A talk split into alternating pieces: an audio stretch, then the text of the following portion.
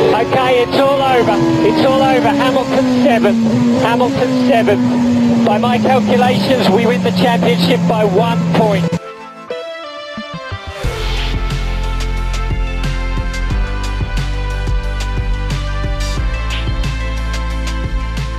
Jú, pitturinn hilsar Óvennilegu þáttir, þetta er skemmtilegt Við erum, að, við erum í raun og vera að se- búa til framhaldsþáttina Heldur betur, uh, við náttúrulega við erum að fara að tala um Kimi Rækonin eins og titillin uh, segir ykkur elsku hlustendur góðar uh, en við fórum sérst yfir uh, fyrri hluta ferilsans uh, í þætti uh, inn á pitturinn.is síðasta fymtudag Í raun og veru, þetta er eins og fettil þátturinn þar sem við gerðum þátt að uh, sest, upp að Formule 1 Já. þar sem við fjöllum um bara hvar hann fæðist og hvernig hans uh, í raun og veru leið að Formule 1 er og hún er ótrúlega mögnu og kemur ækonin eins og við komum inn á Hún er Heldur betur. svo, hún er svo stutt í raun og veru Já, og þess vegna eins og ég segi, fórum við bara létt yfir það uh, inn á Ekkert Patreon létt, við- Þetta er klukktíma þáttur þar sem Já, við erum að rýna í 40 þetta mín. Þannig að ef að uh, það er ennþá tækifæri fyrir þið til að pása skottast hann á pitturinn.is hlusta á fyrri þáttinn Já, en Og annars áður en er maður þetta hlustaði á alveg, þarna. við munum þetta alveg aðeins referensa ef að Já. þess þarf, eh, þannig að þetta þú þarft nú ekkert að vera búin að hlusta á fyrir helmingin.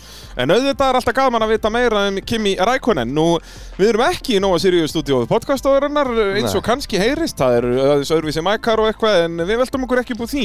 Nei En það sem að eh, er hins vegar málið að það er að við erum í bóði verkværasölunar, bóðleðar, Kalda, eh, Dominos, Arena, Wallis og Viaplay.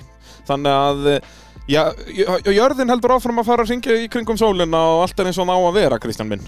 Eh, Já, Já, já. jú, jú Það já, já. ætlar að reyna að andmæla því eitthvað. Nei, ég, ég, já, já Þetta er flott Já, ég veit það, ég er líka flottur gæi á þessu, er okkur annar flottur gæi? uh, Nei, Það er okkur allra besti Þorkell JT, a J- goddamn legend, Þorkell JT JT. Það er þetta mjög stert Það er rosalegt, hann er líka með grjótarða prófælmynd inn á petrum.is Það er þetta að velja sér prófælmynd og hann er með Max Attack Já Það er, það er alvöru negla hjá okkar allra besta Kela Klik eins og ekki svo ofta kallan Og svo má ekki gleyma okkar allra besta Marvin Þrastalsinni sem að eh, er líka Academ Legend og þökkum við þessum meisturum kærlega fyrir eh, stuðningin Það er þöksi þessara meistara sem að við getum verið að standa í þessu öllu saman Graham. Heldur betur, það er uh, Þeir eru yndisleg Það er bara Það er bara nákvæmlega staðan. svoleiðis. Það er eh, svoleiðis, eins og ég segi, við fórum yfir fyrir hluta ferils Kimi Rækonen þar að segja leiðin hans í Formule 1 eh, inn á pitturum.is síðansta fimmtudag uh, og ætlum núna að halda áfram uh, árið er þá komið Já, er orðið 2001. Hann Já. byrjar hann í go-karti, byrjar að keppa bara 10 ára í því, byrjar að keppa í svona einhverjum nationalmótaröðum hann að Og þe- 95, Þetta 16 er ára. árið eftir að hann fær þetta, þessa leini prufanir með sáber Já, og við fórum yfir þetta allt saman í síðasta þættu, þetta þetta er störtlað, þetta hann er farin að keira Formule 1 bíl 12 mánuðum eftir að hann var að keppa bara í go-kart. Já.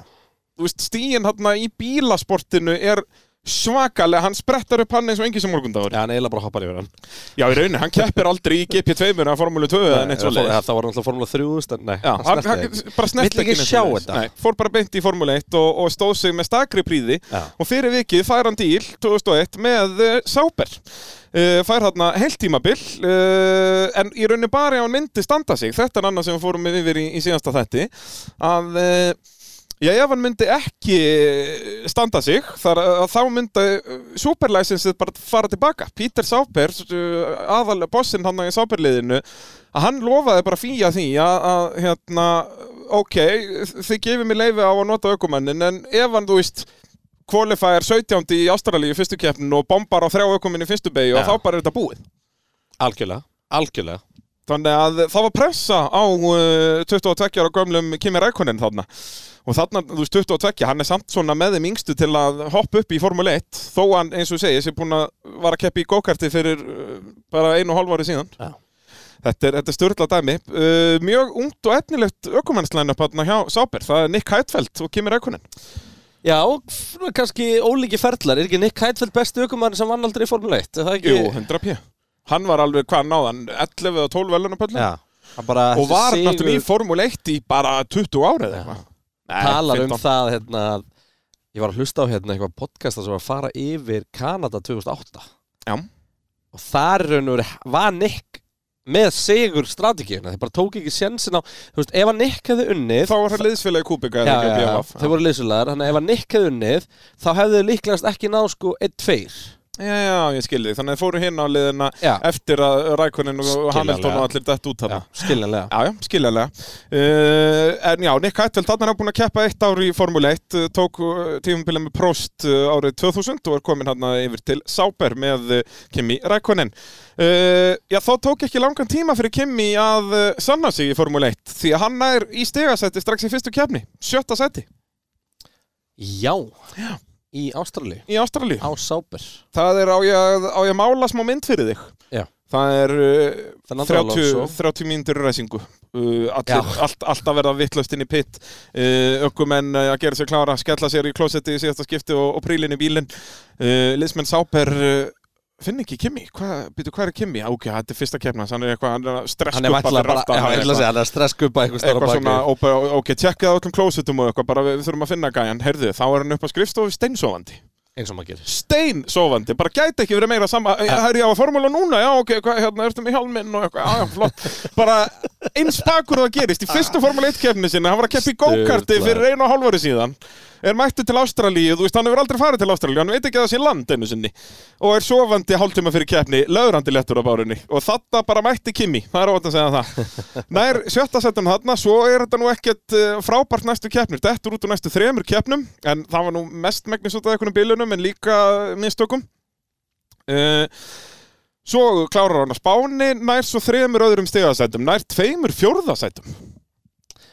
Mjög öflugt Helviti gott, í Östuríki og Kanada, þá nær hann fjórða þarna árið 2001. Þetta er náttúrulega eh, sjúmakker titil sísón, uh, hans þá annar titil með Ferrari sem hann vinnur þarna. Uh, og þetta sísón var bara rock solid.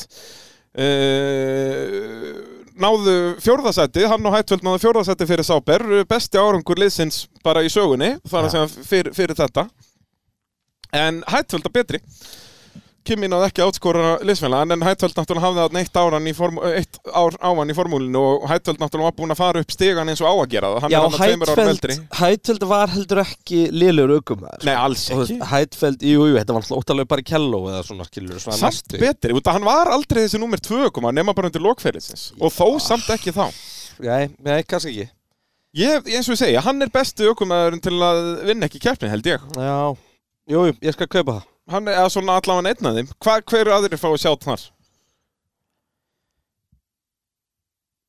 Já, Þá kemur The Sound of Silence var að greina. uh, þú veist, það hefði verið Peres, þannig að hann vann, til dæmis uh, Hulkenberg Já, og það má náttúrulega ekki nota, þú veist, Russell eða eitthvað svona sem er að keppa í dag, skilur. Það verða að vera... en þú veist þessu Hulkenberg En ég er ekkert þessum Hulkenberg sem betur en Hætfeld, sko Nei, ég held að hættan sé betri, sko. Bara átti... átti Kanski betri fyrir. einhver af þessum gaurin sem voru með þú veist, Toyota og svona á þessum tíma Þú veist, einhver svona tíma glokk og eitthvað svona sem voru mjög góðir en bara fengi aldrei að sína það, sko Já, já. En sko, taland um Hætveld, við höfum svolítið eftir að tala um hann núna í, í næsta segmenti, því árið er 2002. Eh, Eftir þetta magnaða sínsón með eh, Sauber, eða bara svona, já, rock solid sínsón hjá, hjá Kimi. Mér Eh, langar, mér langar samt að segja eitt hérna með Kimi mm, um, Þú veist, já, Hætfeld klára með fleiri stig en hann En Kimi, sko, við slum muna það að það eru bara stig fyrir fyrstu sex sætin þarna já, sjötta seti er eitt stygg. Já. Kimi klárar eina, tvær, þrjár, fjórar keppnir í stigum Já. Em, Þar af tvö fjórðasetti. já Og það eru fjóra, ein, tvær, þrjár, fjóra, fimm, sex keppnir sem hann klárar ekki í stigum Já. Þannig að hann klárar, þú veist, af tíu keppnir sem hann klárar, klárar hann fjórar í stigum Hinar keppnar klárar hann allar í topp tíu Já.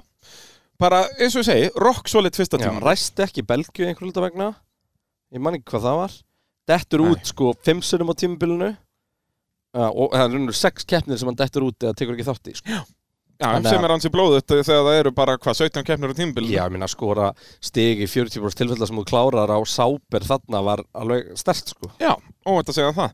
Eh, Þannig að fyrir vikið... þá Hvaða eru- grín, pyrri, sorry, ég verð að fá að stoppa þess með eitt Nú, já, já. Ég er að skoða hérna Ég er að skoða yfir 2001 tímbilið Mm. Það voru fimm brassar sem kerði á tímbilinu Það er svoleiðis. Rubens Barrichello sem að klára þriðja á Ferrari Mm. Svo var Ricardo Sonda sem að væntarlega kemur inn fyrir Hansald Frentzen eða eitthvað Mér veit ekkert fyrir hvað það var að gera hana Nei. Luciano Burti, Enrique, Enrique Bernoldi og Tarso Marquez ég þekkt ekki neitt af þessum fjórum Jó, lögnum. Ricardo Sonti Jú, samt af þekki og ég. Berti Þekki ég börti. Luciano Berti, já, hann Jú, var helling, kannski. hellingi sko. En og ég hef þarna heyrt með þetta massa Enrique kemur ekki fyrir Bernardi. árið eftir. Nei, ég er bara að segja, þú veist, Það fimm brassar Þetta er, þetta er störtlustæðrind. Uh, Steve Robertson, uh, managerinn hans og bara eitt besti vinnur, uh, þá fór hann náttúrulega fullt eftir þetta fyrsta sísón, sko, eftir að hann náði að tryggja honum þetta test með Sáber, sko, þessi Steve Robertson, það er gæði sem ég langar að fá í podcastspjall, sko. Steve Robertson Þetta er bara vittlisa, þessi gæði, hvað hann náði að gera með Kimi og þú veist, þessi þáttur fyrir svolítið í það bara að tala um samninga og dót, því Já. að þetta er, þetta er rosalegt, sko. Uh, Kimi náttúrulega mikið lingar við Ferrari á þessum tíma, því að En, náttúrulega Sáber er eins og það er svipað í dag með Ferrari vélar En og... mér langar samt að segja eitt sko, þú þú- þú verðum að fara að tala um þetta Mm. Þú veist, Já, hann hefur verið að gera magnaðar hluti í samningamálum En það var ástæða fyrir þú gafst það. Það er miklu auðveldra að vera að gera sterkar hluti í samningamálum Þegar þú ert með Kimi the hottest fucking new Räikkönen. shit Já, on, the, 100%. on the block sko Já, já, en, en þú veist, bara það að ná þessu testi og græja spons fyrir það hérna með Sáber, þú veist, það er störtla fyrir gæja sem var að keppa í go-kart fyrir 12, 12 mánuðum Algjörlega og núna búin að vera þarna með Sáber en, en uh, sem sagt Nick Heitfeld ánefa betri ökumæðurinn þarna uh, allavega á þessu, á þessu tímabili en, en já, kem ég mikið orðaður við uh, hérna Ferrari en Ferrari hafði ekki sæti fyrir hann árið 2002 Ég En- ætlum að segja, en var það buð bara honum- strax 2002? Já, uh, en, en buðunum eh, er, er svona talað um, allegedly, uh, buður honum sæti þriðja aukumanns uh, sem að Steve og, og Kimi voru ekki til í, þeir uh, vildu, þá, þó að það var Ferrari, já þá vildu þeir nú fá Og uh, var það ekki verið að bjóða um eitthvað svona þriðjökumann sem hann var að vera áfram hjá Sáber eða? Nei, greinileg ekki, því að þetta stoppaði á því að hann fekk ekki að vera í, í formúlinni Ok uh, sem svo Deva myndi fara til Ferrari Mér er Eh, svolítið gaman að skoða þetta en að eh, ég er bara að horfa yfir liðin bara Já, Skúteri að Ferrari Malboro, Vestmaklar Mercedes, BMW Williams F1, Sauber Petronas, DHL Jordan Honda, Já, hann er Lucky DHL Strike Jordan. Bar, Mild 7 Runo, Jaguar, Orange Arrows, Eh, Oransar ég er þetta, veit ekki hvað, KL Minardi Asia Tech var og svo, Nei. og svo náttúrulega Panasonic Toyota Racing. Þú það Veist, þetta er er svo fyrsta cool seasonið nöfn á þeirra. liðunum. Þú veist, hvað er þetta í dag? Hérna, Þetta er samt ennþá alveg kúl ég, þú veist, Oracle er ekki eitt svalasti sponsorinn sem þú finnur, sko, samt alveg töff, jú. bara- Ekkert minna töff en Panasonic, sko. Já, eða orange, skilur þú veist, það, Já, þér sí, finnst þetta þetta bara ekki. töff út að þetta er Þetta er- nostalgic. þetta er nostalgia, Mild sko. 7 er ekkert dásamlegt fyrirtæki, Nei, skilur það er ekki sigarettur? Ég veit það, jú, Jú, er það ég ekki. held að ég, þetta er náttúrulega Þetta voru náttúrulega allt síkarettur, þú veist, Lucky Strike og, og Mild 7 og Malboro og, Vest Þú og... er náttúrulega sko Lucky Strike bar Já. það bar var hann að British American Tobacco Jeps. Þetta er Já, alveg- þú veist, bara, þú veist, þess vegna þeir eru líka með 555 hann í Asi Já. og það. En uh, hvað um það? Uh, Kimi og Steve Robertson, uh, umbósmaður hans, uh, taka þá ekki ferrar í dæmið. En uh, Steve er strax farin að tala við Ron Dennis hjá McLaren. En uh, Nick Heitfeld er náttúrulega búin að vera svolítið í akademinu á McLaren. Er basically bara McLaren aukumaður og var búin að vinna Kimi þarna og, og, og var bara svona, heyrðu, aukumæðurinn aðal aukumæðurinn okkar er að hætta fyrir 2002 Nick Hatfield kemur inn í staðinn vandamálið er að aukumæðurinn sem var að hætta það var alveg Mika nokkur hækkinin og hann sagði mjög hátt og skýrt uh, þó kannski í aðeins fleiri orðum við Ron Dennis if you want to win, employ a Finn og bara náði að koma Ron Dennis á bara þá bylgjulengd, bara nei Kimi tekur mitt sendi og Mika sem var búin að vera svona mentor fyrir Kimi í að að sér til þess að Kimi Rækonin fær þetta seti hjá McLaren og, og úr verður þess, þessi skipti strax 2002 er, er Kimi Rækonin mættur til eh, McLaren Vá, spáðu þetta í hinu prospektinu Mikael Schumacher á móti Kimi Rækunen Já. í 2004 ferðin Já. Holy shit það er sko störlu saga sem ég get svo sem alveg talað um núna og það, ég minnir að ég haf ekki skrifað hana niður í skjalið en uh, þetta átti að gerast 2006 eða 7 að Kimi myndi fara myndi pa- vera með Michael í Ferrari Já. að það væri bara hérna tvö heitustu nöfnin að að keppa saman en náttúrulega það voru þrýr menn sem vildu þetta alls ekki og það er hansi powerful menn þarna í, í Ferrari það eru Sean Todd, Ross Brown og Michael Schumacher þannig að þetta var aldrei að fara að gerast nema út af því að stjóri Ferrari hvað hétt hann aftur þessi granni gráhærði sem er samt fabulous Þetta er granni gráhæri sem er svo ekki fabulous. Do Dominikal Þetta er ekki að tala um Arriva Bene ekki að rífa benni, heldur kemur þú veist seinna. eigandi ferrari þú veist, sem er alveg Já, hérna, þá já, hérna sem er bara tildulega nýhættur hvað heitir hann aftur, getur þú Nei, hann gúklað? er ekki, hann er ekki Bara- lítill með gleru Jú, hann er lágvaksinn, sko en svona ekta ítalið, þú sér það strax þegar þú horfir á hann, sko Já, uh, gerðu E CEO 2008 og reynda, reynda að finna hann, þetta er mjög gott podcast hjá okkur. Þessi þessi hérna. gæi, hvað heitir hann? Di, fe- Di Montemolo Di Montesemolo Já, Di- Disante Menalo eða hvernig sem þú Eh, berða Di fram Montesemolo Já. uh, Hann heit, hvað heit aftur í fyrsta nafnu? Luca Já, Mont- Luca Di Monte Menalo að hann var orðin þreyttur á þessum, þessum þrem uh, sest, og, og ég er ekki að ljúa að sest, honum leið ekki lengur eins og hann væri stjórinn hann, og hann leið Já. bara að Sjón Tott væri stjórinn skilur Einmitt. og leið ítla með það þannig að hann vildi og hann svona púsar þessu í gegn gegn vilja þeirra allra og þess vegna endar Kimi hjá Ferrari á þessum tíma þarna 2007 Já en þetta byrjaði alltaf á því að, að sem sagt, og ég tala betur um það á eftir með þetta að Ron Dennis ræður Alonso til McLaren tveimur árum áður en hann kemur samt en hann Einmitt. annánsar því 2005 þú veist, þetta, er, þetta er mjög steikt allt sem við förum betur yfir á eftir en eh, 2002 þá er okkar allar besti Kimi Rækonin komin til McLaren Eh, uh, Iconic bíl geggjaður Var líka bara svo viðeigandi Mika Hakkinen hætti, Kimi Rækonin kemur inn kemur annar finni inn David Coulthard heldur áfram að vera númer tvö. tímabil hann á undan Já, já, og bara, en það er samt svo mikill skellur að Mika hafi hægt í Formule 1, sko. Hvað Hann- er hann gamall hann? Er hann bara- 32? Hann bara kláraðist Já Hann Hann bara- átti bara ekki meira, ég meina við erum að tala um það 2001 tímabilið Það sökk. Það er ekki, er ekki Mika og DC sem eru saman ennþá þá Jú, jú.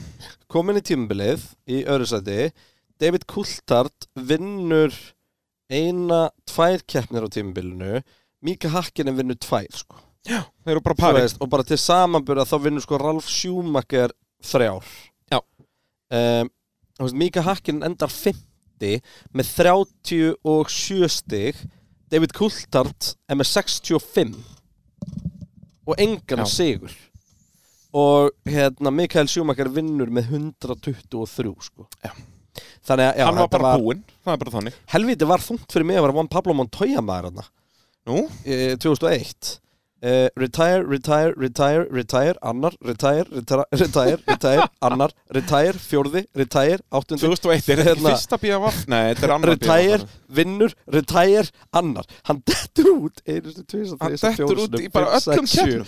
Átta, níu, tíu, ellefu keppnum Af 17. 17 Guð minn almáttur, hann klára sex keppnur og þá var hann alltaf á elunupalli. Eh, Alltaf alveg eilisinni Guð minn almáttur. Nei, alltaf alveg tvisar Já. Þetta If er you alveg ain't gæðið first, sko you're last. Já, með fullt af pólum og Já, eitthvað líka, já, já, sko. allur, allur pakkin uh, Þetta byrja vel hjá Kimi árið 2002 nær uh, pódium í fyrstu keppni uh, en svo springur vélinn hjá honum í annari og uh, síðan heldur vélinn bara áfram að springa í þessum maklarinn Þarna var Adrian Newey uh, svolítið að vinna með það að hanna bílinn alveg út að istumörkum Já. Þú veist að hafa kælingötun öll eins lítul og mögulega hættir Einmitt. og því fór sem fór í rauninni að, að bílinn var alltaf vennri lagabúl og, og fyrir viki held ég að DC hafi nú unnið kemja á þessu sísoni Uh, fyrsti sigurinn náttúrulega átt að koma í Fraklandi á Magnikúr þetta árið 2002 þá er hann að leiða keppnina með sjúmakir fyrir aftan sig þetta er t- keppnin sem að sjúmakir átti möguleika að tryggja sér uh, titilinn sinn fymta titil í, í Formule 1 þriðja með eh, Ferrari uh, og Kimi leiðir en síðan í þess að bara herpinninu á Magnikúr veist hvað eh, hún er að eh, þá sem sagt er Toyota fyrir framannan sem að sprengir vel og fer beint út af og skildi eftir góðan olíupoll fyrir Kimi þannig að hann læsir og fer vítt og uh, sjúmakir spottar það bremsar þá fyrr og út af að hann var búin að sjá tvo bíla fara skilur sér Toyotuna springa og síðan Kimi fara utanlega nær að nýta sér þetta og skellir sér fram úr og uh, Kimi var þá að setja sér vann að sendi þar og sjúmakir trygg, tryggir sér eh, þá fymta titilinn Með sex keppnir eftir Já, sem bara er met sem að ekki hann hefur verið slegið og verður ekki slegið í ár Nei Það er uh, svolítið svoleiðis. Uh, og Kimi er bara á pari við Kultart stegalega séð en Kimi er náttúrulega mun óhefnar að bila bílinni honum mun oftar heldur en hjá eh, það er svona Coulthard. sturdlað að horfa á töfluna um, svona, þú veist, ég er að horfa bara hérna á Wikipedia, bara World Driver Championship Standing sem að segja mann svona í hvaða sætum fyrir neðan Ferrari þá er þetta bara meira og minna fjólublattir í tæjar Já, þetta er náttúrulega á þessum tíma sem að vélarnar sprungu bara í, út að það voru enga reglur með hversu margar vélar þú áttir að nota, skilur Nei, nei, þannig að áttu bara að endast eina keppni Já, og þá náttúrulega út að þetta er Formule 1 þá endast þér yfirleitt ekki eina keppni út að þér áttu að endast akkurat eina keppni já. Þú veist, Kimi Rækurinn dettur út í fjórum, nei, í fimma, Í fyrstu, sjö Já. Það er og síðan aftur í, í, Í- síðustu já. átta dettur hann út síðan fimm sinnum aftur sko. Já. Þannig að eh, eins og ég segi, bara bíllinn alltaf, hannaður alltaf mikið on the limit Þetta var mjög hraður bíll en hann bilaði alltaf mikið Já, var DC með honum hann Já, já, og þeir voru bara parið eins og ég var að tala um áðan að nema Kimi óhefnari með vélabilanir Já. Eh, Áðunum förum til ásins 2003 að þá verum við að minnast á okkar allra, fólk, eh, allra besta fólki í bóðuleið ef að þið vantar einhverja bókalds þjónustu að þá heyrur bara í bóðuleið, þeir græða þetta fyrir þig Uh, topp fólk í alla staði og, og mikil formúlum menning hann í bóðlið, það er eh, bara svoleiðis Heldur betur Ég er að skoða henni yfir, talandi um endurskoðun Ég er að skoða henni yfir þetta Djúfessist, dómin hans var þetta hjá Ferrari maður 2002 og svo aftur 2004 Þú veist, bara Mikael Schumacher klárar allar keppnir tímabilsins á velunapalli Já.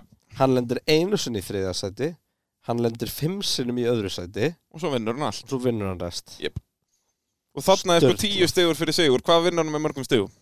Eh, uh, 70 63 er það ekki Já. Nei, meira 60 og Þetta er tæplega 70 steg Já, Þetta er- já, já, já, já Þetta eru 67 stykk 67 stygg, búm Sæll það er, það er helviti gott, það eru sjö sigrar sem hann vinnur með Já, sko, hann vinnur með 67 stigum Maðurinn í öðru sæti er með 77 stig Pældi því, ef þetta hafði verið hvað, þetta eru 17 keppna tíðanbíl segjum að þetta væri 23 keppnir eins og, við fyr- nei 24 eins og á næsta ári Já. það hafði sjúmakki geta hætt þarna og hann hafði samt orðið meistari Já, já, já, já Nei, samt bara, þú veist, hann, og það væri samt ef að, ef að eh, Rubens hafði unna allar keppnir sem eftir er að þá hafði sjúmakki ekki orðið meistari Já, Og þá og hann svo fengi sýnist mér svona, þú veist, er ekki líka hann hérna farin að að svona svissa svo aðeins og gefa sigrana tilbaka til hérna Rúbensandi til restina. Já, þetta var svo mikið þvæla sko. Já. En eins og ég segi, 2002 og 2004 eru svona, þetta er mjög svipað á Red Bull dominance Já. uh. Þeir voru misdominant en uh, unnu samt alla titlana Einmitt. uh, Förum til ásins 2003 uh, Þá fara hlutinir að gerast hjá Kimi og McLaren Eins og ég segi, 2003 var ekki dominant ár hjá uh, Ferrari og Schuma uh, Fyrsti sigur uh, Kimi Rækonen á ferlinum kemur í Malasíu sem var önnur keppnin þetta árið og uh, síðan er, hann er í þriðja sæti í fyrstu keppni á undan Michael Schumacher og síðan í öðru sæti og á öðru sæti í þriðju og fjórðu keppninni Þannig að eftir fjóra keppnir þá er Kimi bara í mjög góðum álum í hefstatórumótur Já, því að þá líka Mikael sko búin að detta einu svona leik, búin að lenda einu svona í sjötta sæti og einu svona í fjórða sæti. Hérna er komið í senast að fyrstu átta fór stig. Já, þannig Þannig að- er þetta 10, 8, Já. 6, 5, 4, 3, 2, 1 Þannig að hann er að fá, þú veist, fimm stig, hvað er sjúma komið með hann eftir? Komið tíu, fimm og 2 og tvö, þannig að hann er með eh, 17 stig eftir, eftir fyrstu fjórar að menna Kimi er með hvað 6, 16 uh, Þú getur bara ítt á ímólakapakstunum og skróla neðist já, 24, það er ekki jafn skemmtilegt Hann er með Já, þetta er 30. geggjað útvarp hann er með nefnilega. 30 Hann er, þannig að hann er með rúmlega tíu stega fórskott.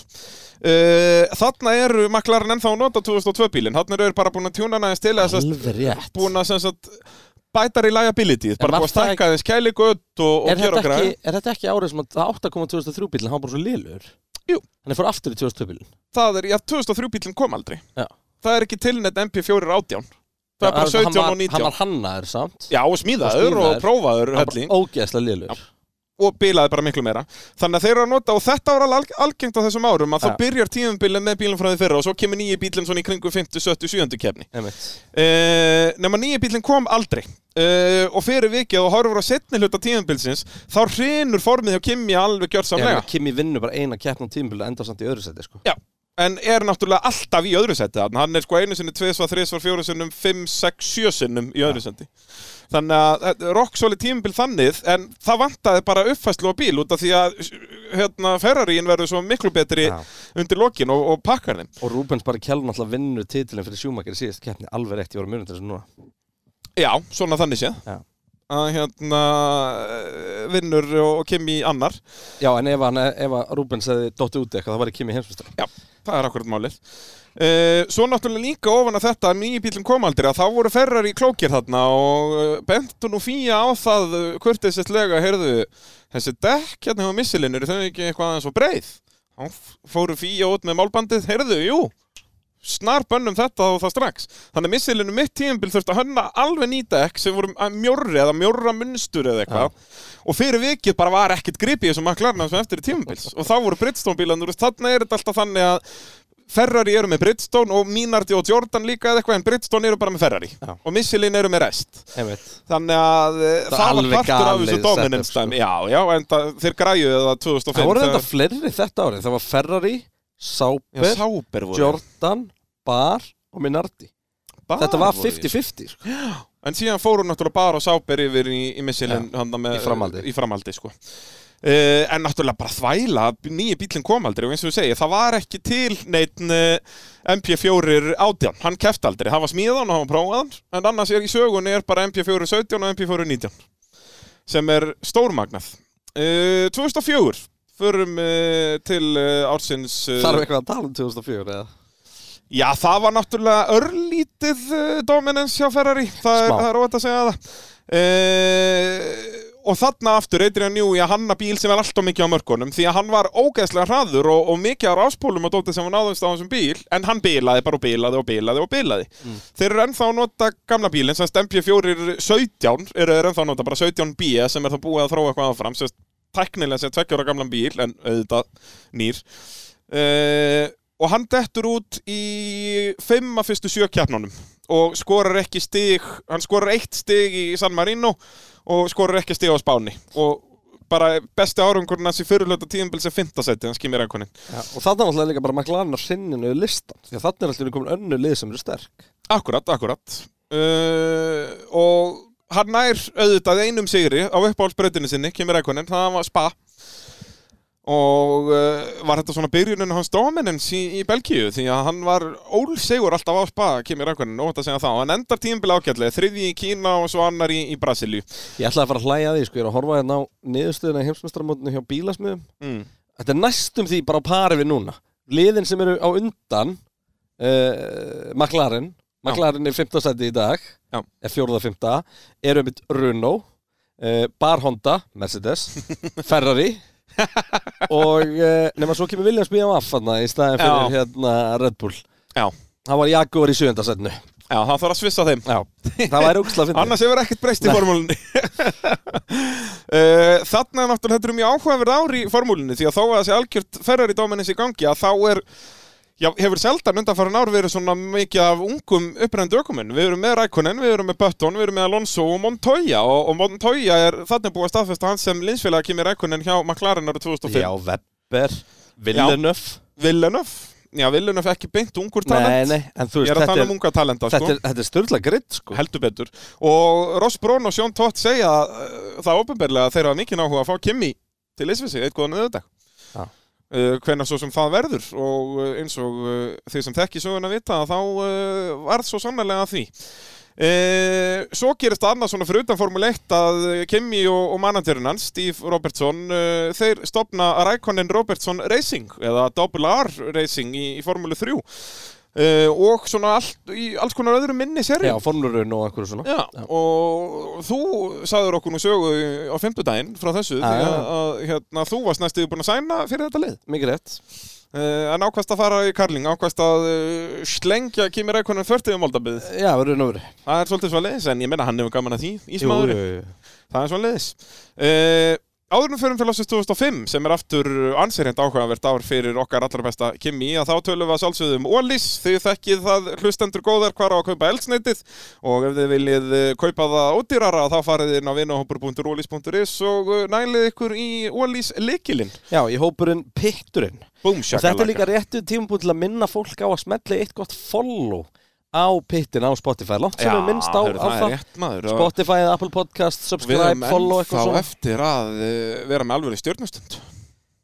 Það er rétt. Þetta er- Hvað ætlum við, þetta þetta er meina, synd, þetta sko. meina í reviewin, eða? Ég man ekki hvað gríni í kringum stjórnustundina Jú, var, það en- var, en- það var hvað voru konum með margar stjörnur í review. Já, Endilega myndi að smetla í eitt slíkt. Hvað Já. er pitturinn kom með margar, margar stjörnur? út af við ætlum að fá að koma í sparinesti sko, Já. allt út af stjórnustund Herri, við erum bara þetta í 600 stjörnur. Fú, hvað vorum við í 400 þegar vorum Nei, heldur við um bara í þetta? 200 og eitthvað. Það er svoleiðis. Það var ekkert verið að eitthvað Heyrðu. að reviewa þetta mikið. sko. Það er sparinesti næsta þendi Það er svolítið, þegar Brallin kemur heim frá bandaregjónum að það verður sparinesti Já, þú kemur heim Ég með kem bara, spararmestur má fyrir ekki okkur. koma bara með Texas barbecue fyrir okkur bara, Það í- hljómar ekkert maður ellevel. tekur það bara í handvarangri Hljómar Þetta er ekki flókið mál Einhverju svona- smoked ribs og eitthvað eins og fólk sem er að koma með McDonalds í, í Í handfara barasta maður, ó. oh. Ég, það er hlutur sem ég skil aldrei út af það er, það er alltaf diss á metro á Íslandi það er ekki kúl að finnast metro gott En sama fólk En- er alltaf á McDonalds Já, og allir fara um leiða að fara til útlanda bara að fyrir á McDonalds Það er samt einhver stemming, það er líka bara í brandinu veist, þetta er svo, Þú veist bara, tíu ára dóttir mín Hún er bara ógeðslega spennt fyrir Starbucks Hún drekkur ekki Já. kaffi Nei, en Þetta bara er bara, Starbucks. það er bara búið að gera eitthvað geðveikt úr þessu. Já, já, bara ég ætla að fá einn mocchiato latte Já, helst og fá hana einhvern- helst- grandi He- Helst einhvern leinidrykk sko, sem er ekki Oh my matsali lord Hú, en eh, veltum okkur ekki meir upp úr því því það er komið árunni 2005 í, í söguhotni Kimi Rækonin uh, Bullandi barátta uh, en eins og kannski venjulega þá byrjar það illa fyrir Kimi það það var sjaldan sem hann byrjaði tímabil vel Uh, og stærst ástaf er því að það var vonlust að koma hita í dekkin á McLaren-bílum besti ökumaður, nei besti árangur sem sagt McLaren í tímatökum þarna og þarna er Montoya komið með honum það var sjötta seti það, er, þú veist, þetta var aðalega tímatöku vissin út að þeir bara náði ekki að fýra upp dekkjón Það er hins vegar gæta runnun heldur betur, það var uh, engin betri því þarna náttúrulega 2005 er búið að búa til reglu til þess að segja fokkjú og Michael Schumacher, það voru allir verið þreyttir á því þannig að FIA blættu bara eina reglu til að uh, láta Bridgestone sakka Já, að, uh, og það er að það er bannað að skipta um dekk einmitt uh, til að bara gefa Michelin smá advantage og fyrir vikið voru Michael Schumacher að Ferrari bara hvergi sjáanleir uh, Michael Schumacher vinnur eina keppnu og það var þegar enginn var að keppa við hann í bandaríkjónum það árið uh, Alonso uh, geggjaður á þessu tímabili og geðveitt konsistant Já, og, og runnun, mann til dæmis bara störtin á runnun það var út af því að þeir voru með eitthvað traction control sem var bara out of this world Já. bara eitthvað þvæla, það var bara alveg sama hvaða, þú veist, fysikella gæta ræst bara sjötti og hann var komin í annarsætti Já, bara eftir Alonso Já, bara eftir Alonso. Þetta var bara þvæla, sko. Og uh, Alonso endar á að vera heimsvistærið þarna með 133 stig gegn 112 stigum Kimi Rækonin sem nær þarna í öð- annað skiptið á ferlunum öðru sæti í heimsvistaramótinu. Já, ekki, þetta var nú samt ekki árið, ég meina, sko, setni hluti ásins er styrlaðar hjá honum, Já, þú veist, en Hann þetta vinnur var þarna samt bara. ekki, ekki árið sem að, hérna, ég manni fannst eitthvað svona, þú veist, ekki, þetta var ekki árið sem að Kimi átti að vera heimsmyndstari, það var miklu Nei. frekar hann að fyrsta, 2002, al- algjörlega, því að þarna er, hann Já. byrjar svo svaka lítla, þú veist, ástæða fyrir þetta endar í svona fáum stigum með millera er bara út af því að ef við förum yfir síðustu sko átta keppnar hans er það sigur, sigur, fjórðasætti, sigur, annarsætti, sigur, annarsættið. emitt. Þú veist, þetta er bara þvæla. En uh, talandi um þetta, þá, hérna, þetta er náttúrulega árið sem að Van Pablo Montoya er komin inn, sem eins og ég er búin að segja þrísvarsunum held ég Ó, já. Þú verður að hlusta á bralla Ég er alltaf að lesa á Þú móti. verður að hlusta á bralla Það sem Ég að ég veit þurfti það, að finna mér bara einhverja konu til að vera með mér hérna Hún getur lesið og hlusta á sama tíma Það er- tíma. Við við kallarnir getum það ekki sko. Nei, En uh, já, já, Montoya komin andan með honum En Kimi uh, pakkar honum á, á þeirra fyrsta tímbili saman Já, með næstu í helmingi fleiri stig reyndar missir Man Pablo að þremur keppnum á tímbilinu hann er, er sko raunur fjórum en það er náttúrulega Já, Indianapolis var það þá. býtu, hvað var það aftur? Hvað afsökun notaði hann fyrir að Hvað hann Hann a- datt á hjóli en sagðist að það mitt sér í tennis eða ykkur um djömblinum. Hvernig var Já, aftur svo var saga? það ekki? Jú, Hann var að gera eitthvað sem hann átti sem hann að mátti gera. ekki skilur og hvort hann var að krossara einhverjum döflinum og Já. þá sagði hann bara, herðu, nei, ég fór úr þetta er axlarlið við að reyndar- detta í tennis Þetta eða er eitthvað. eitthvað frábær spurning Þetta var eitthvað, eitthvað svona þvæla út að, þú veist, það vissu allir að hann var að ljúa og Já. hann vissi það líka en var bara skýtsama Sko Wikipedia segir allavega The Colombian missed two races early on due to a tennis injury Já, due to a tennis Það er injury, en ekkert það að- vissu allir að þetta var út af ykkur öðru Nei, það var ekkert að Þú veist, út af Juan Pablo Montoya, hann kann ekki spila tennis, sko, hann hefur aldrei farið á tennis alltaf æfisinni, sko, Að hann, eh, eh, bara, en einhver læknir sagði hann bara, heyrðu, nei, ok, þú gætir komist upp með að segja bara, fór hérna úr axlalið, við að Tennis, spila tennis já. þetta er svona, þetta er tennisolbói sko þannig að segðu það bara, þetta meikar ekki sem það var gest í fótbolta eða eitthvað, þannig að segðu tennis og hann tenni, hvað er það? Þú vil voru bílarnir flottir hann það við fórum yfir það í fallegustu bílar sögunar og við vorum eiginlega sammála um það að F2004 er fallegusti bíl Já, sögunar. en við erum náttúrulega að tala um 2005 kallar minn já það, þetta er sama kynslu Já, en ég er bara að segja, þú veist, hérna, einmitt F2005, McLarenin eh, Vestlúkið var alltaf R25 Runoin, þú veist, þetta er allt ógisla flotti bíla, ég, þetta var aldrei, ég elskaði aldrei hérna, raunálega verið nei, og sérstaklega ekki eh, gallana þeirra, jú, ég fílaði hennan lilla bláa og gulla sko. það er ekkert eðlilega fyndið svo þegar þú tekur sko 2005 Alonso með krullunar og einhver svona geðveikt svona oj, óklei glans, bara svona staffa- eld, og líka eldgleru hökutoppin hérna, oj. Þetta var, það er endar virkilega góð punktur Hann var eins og mikill dús og hægt er að vera sko. Hann gatt verið söngverinn í bara hérna Hey now, you're a rockstar Hann gatt verið bara aðalmaðurinn þar sko. Holy hell sko. Æ. oh. En uh, já Bílarnir voru fallið 2005, við erum alveg sammála um það Já, já. Er þetta ekki Þótt- líka þótt- hökutoppurinn vikinga hafði ekki verið, eða? Er þetta ekki vikinga á hodninu? Jú. þarna? Jú, jú, á- Mér á- fannst á- það alltaf cool, sko. Það var gekkja Út af því að þú sást það ekki nema bara að horfa framan á hann Út af að það var í sama lit, þú veist þetta var vest silfruð Það er alveg máli. En, uh, já, Kimi keppir náttúrulega með tveimur liðum ára 2005 Ef- Já. vegna þess að hann keppir með McLaren Vest og McLaren Racing. Þeir missa Vest-sponsinu mitt tíumbilann. Ah, þetta var frábært til þér. Takk fyrir. Uh, en þetta er sem sagt uh, byrjunin á endanum, þarna. Þarna eru uh, the cracks beginning to show. Já, í, í uh, McLaren Já, út af því að Eh, þarna samstarfið. kemur þessi þvæla Þarna er Alonso nýjórin heimsmestari Og Ron Dennis býður honum Og Alonso samþykir samning Fyrir 2007 tímabilið með McLaren Já. Sem er svo steikt að Alonso verður heimsmestari með Renault Fyrir sko Managerinn hans er Flavio Briatore Já. Bara þetta meikar ekki neitt sens að Briatore bara, heyrðu, já, já, skottast þú bara til McLaren hérna eftir tvö ár, byrjum á að vinna annan titill og svo skottast þú. Ég hlakka svolítið til að við gerum Alonso sögu Ég veit til dæmis ekkert um juniorkarriðin hans og, Nei. neitt þannig. og það kemur ekkert óvart ef hann væri svona parið við Fettel Fyrsti, fyrsti, Já. fyrsti, fyrsti Það datt kemur út, núll á Fyrsti, óvart. fyrsti, fyrsti, datt út, fyrsti, fyrsti Þú Já. veist, bara, Bara, að bara 100% sko Það, já, það er, en næsta dagskrá verður Juan Pablo Montoya. Já, ég er enda ekkert eðlilega bæbað fyrir því Ég vil sjá Þú ert- bara uh, hvaða bullfighting rings hann verður að dandalast í sem krakki. Ég og- vil líka bara fara að fá uh, Crainer Fanboy Já, það hefði verið rosalegt. það er bara uh, nákvæmlega staðan. Hjólum hett eitthvað tímann í vetur. Ég verð með, þú veist, er ekki tequila heitt í Kolumbi Ég verð bara, þú veist Þú verður- verður ekki að fara í það sem er þú heitast í verður Kolumbi vökvaður. Ég, Ég var, vökvaður. ég var að vökva með meðan ég var að skrifa þetta svo og ég bara fannst að ég þurfti að gera það fyrir Kimi Já, sko. það er svo- það er alltaf það er hálfrið. bara svolítið vest með áttinga vodka sko. ég var bara að hafa náðust með raut Já, það held ég að sé ekki mikill Kimi Nei, alls ekki, já og þó, hann á heim í Sviss og eitthvað Jó, Hann elskar ábyggilega rautt frækt og- fyrir vínegrur eða Já, hann er bara svona Central Europe skilur þeir hatt ekkert steik og raut Fyrir hann að steik og raut Ég segja það, ég held að Kimi síðan Lewis og alveg Hamilton. Já. Það er mjög góð punktur Hann hatar steikora Það er bara svo les uh, F1 Racing kjósa Kimi Rækonin Driver of the Year og Autosport gefur honum International Driver of the Year Það er ákveðið Alonso heit í gangi þarna Alonso Já, pakkaði var mótinu. ekki líka Þetta var ekki alltaf svona verið að tala um þessi run og væri bara ólöðlur Jú, bara þetta var haks af bíl bara. Var það ekki? Jó, eða þú veist, út af, af, af allt sem hann var góður í var svo augljóst, þú veist, það er ekki bara að hann fer aðeins ræðri gegn beigjarnar, heldur bara eins og þetta með traction control, Já. sem allir sáu bara, það var alveg sama hversu mikill F1 rúkið þú varst, Já. þú horfður á keppnin og bara, er það ekki pínu ósökjönd að þeir fara svona hratt á stað? Emitt Þú veist, Og bara alltaf Já, en ekki svona, heyrðu, hann tekur alltaf 0,02 í gegn þessa beigju, Já. skilur eins og, þú Og veist, svo náttúrulega líka út af þessu var Alonso ekki að fá kreditið sem hann átti skili fyrir hvað hann er ógeðslega góður ökum. jep, sem að við komum í stað bara setna, skilur En hérna, algjörlega, og, en þú veist, það var bara, náttúrulega, þú veist, og, og, og, og runóin í raun og veru ástæðan að mörgu leiti fyrir þetta var bannað, sko. Já.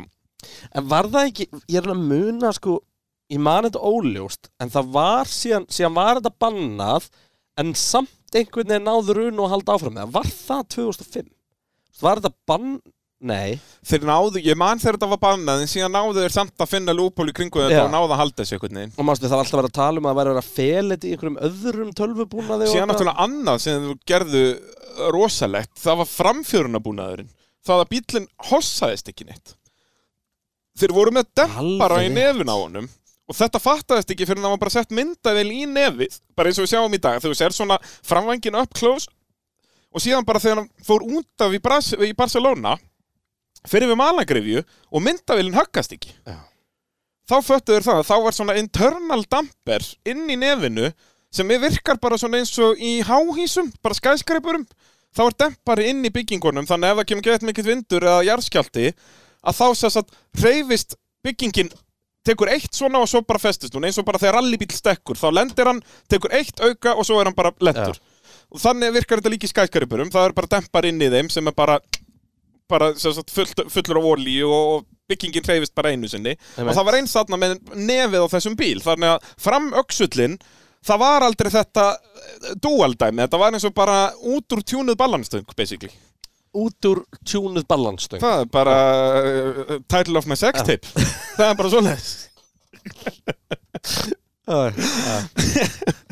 Tökum því uh, 2006, ótrúleitna satt frekar slöpp byrjun hjá Kimi Rækonin eins og Ha? öll önnur tímabil, það bara gekk aldrei neitt í byrjun tímabil, það er vissulega þriðji í Bahrein, sem var þá fyrsta keppn, annar í Ástralíu sem var þriðja keppn, en síðan er hann bara hann að dettur út í Malasi og svo bara fymti og fjórði og eitthvað Þú uh, veist, þessi vesen hefur líka verið í þessum ökumannsmálum þarna Þú veist, Montoya var alltaf með vesen Já og eins og þeir búið að sæna Alonso Já, og Montoya þeir vita það kláraði báðir, ekki veist. tímabilið Nei, og það er að mitt skiluru Hvernig skildi að vera að kæra fyrir lið árið 2006 sem að þú veist að er búið að ráða Gaurið sem að þú ert að heimsmeistarann? keppa við Já, sem er að vinna því heimsveitarmótinu og er ríkjandi heimsveitar Það er búið að Einmitt. ráða hann fyrir næsta ár Þú veist, Hvernig átt að haga Ja. þetta? Og þeir eru samt, sko, samt eru maklari með eitt sterkast ökumannslæn uppið efer En þeir bara algjörlega skutu sig Ja. í báða lappirnar sko. uh, Og þú veist, síðan er Ron Dennis byrjaður að vera með dólk þarna líka sko, og- Og fyrir að kenna Kimi um sérst árangurinn í Imola sem bara kennir honum bara já, við hefðum fengið miklu fyrir stegi hefði ekki verið fyrir sem mistökja Kimi og veist, út að þá var hann, snerist hann í tímatökum og eitthvað og var í einhverju basli e, og greinlegt að sambandi þar er bara orðið eh, erfitt og, og það kannski sannaðist mest svona í ástóra sviðinu fyrir framann okkur öll í Mónako það árið það var dásamlega saga sem að þú veist nú Þetta tala um uh, þegar að kipið þetta út já, þá er hann að eh, held ég að leiða keppnina þegar að það bara Gott ef brennur ekki. vír Já. sem, sagt, eh, sem var bara á röngum það var búið að leggja hann á einhvern ranga stað og hann bara brennur út og kemur upp smá eldur í bílnum, bara ra rammagseldur hann stoppar hann, var þetta ekki rétt fyrir göngin Jú. uh, lappar meðfram öllum göngunum í öllum göngunum uh, og í Með, staðan fyrir með að fara hjálmin á sér og með allt. hjálmin á sér, bara hepp og kúl í staðan fyrir að fara til hægri og, og fara í debriefing með liðinu hann er nú engan áhuga að fara að tala við hann Ron Dennis sem er bara búin að vera að dissa hann og eitthvað hann fyrir til vinstri Í bjur í bjur, já það var ekki mikið af bjur það var aðalega eh, vodka Já. það er svolítið svoleiðis uh, Og eftirminnilega þá í framhaldi ánáttúrulega Kimi sitt stærsta krass á ferlum já, sem var bara, þú veist sem að þau getur bara fundið á YouTube já, bara með einhverjum ískáp ofan í höfnina eða eitthvað það er, þetta er svo steikt bara spáði að vera, það er bara það til vít en að gæin hef ekki hálsbrotnað er galið Býtu, útskjöru þetta fyrir hlustundum já, hann er sérst efst á snekju Já. svo fullur að rífa kjaft við einhvern með eitthvað prigg Já. og dettur niður á þilfar Já. hausinn fyrst Já. þetta er bara, bara Kimi Rækurinn drunk Monaco Já. ef þú hefur ekki séð það bara YouTube núna, ít á pásu we, we recommend it við, við mælum með þessu, gefa ykkur núna tveggja sekundar til að ít á pásu já, svo ítir þetta aftur djöfull að er play gott. núna Já. þetta er fucking stórkostlegt Þetta er, þetta er hans stærsta krassaferlinum, ég er sammálaðir. Er það ekki? Jú. Hann átti reyndar eitt suttalegt einu sinni í maklarinu. Hvar var það? Það var náttúrulega hérna í, var það á Núrburgring þegar að dekkið þetta af. Nei, það var Ístam, nei, það var Núrburgring. Ég er að hugsa Japan. En já, já, ég maður það ekki. Það var Núrburgring, mannstu, þegar að, sérst, hann er á tjónuðu dekki, þetta er 2005 þegar bannaður að skipta um dekk. Já.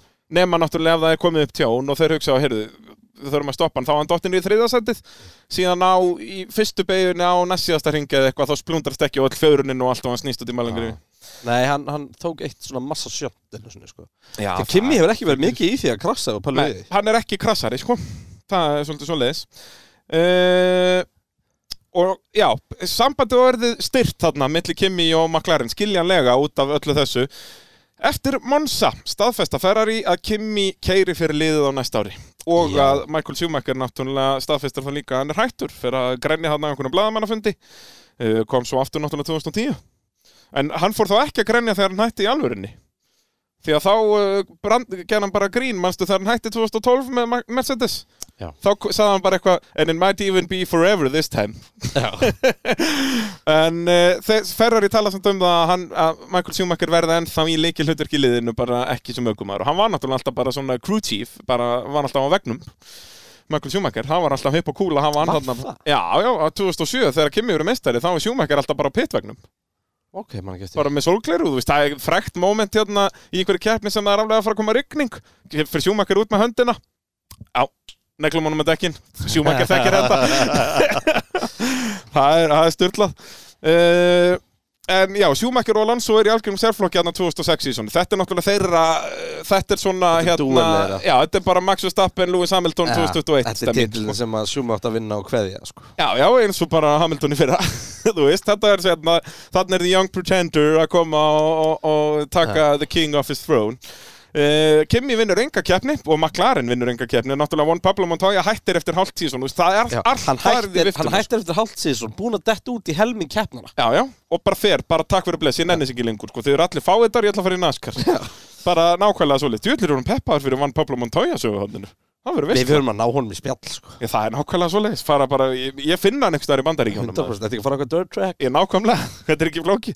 Hann verður með svonið sem þar, það hlýtur að vera En Hann er komin í Hann er í formúlu 3 reyndar Já, er hann ekki í formúlu 3, hann er komin í formúlu 2 Hann er í formúlu 3 uh, En já, uh, allt er í, í- í skýtnum hjá McLaren Adrian Newey fer frá liðun á árun og undan til að fara til Red Bull Þú veist, í dag hljómar þetta mjög eðlilega En þarna meikar þetta engan sens Þetta er liðsinn sem að já, skoraði samtals uh, hvað?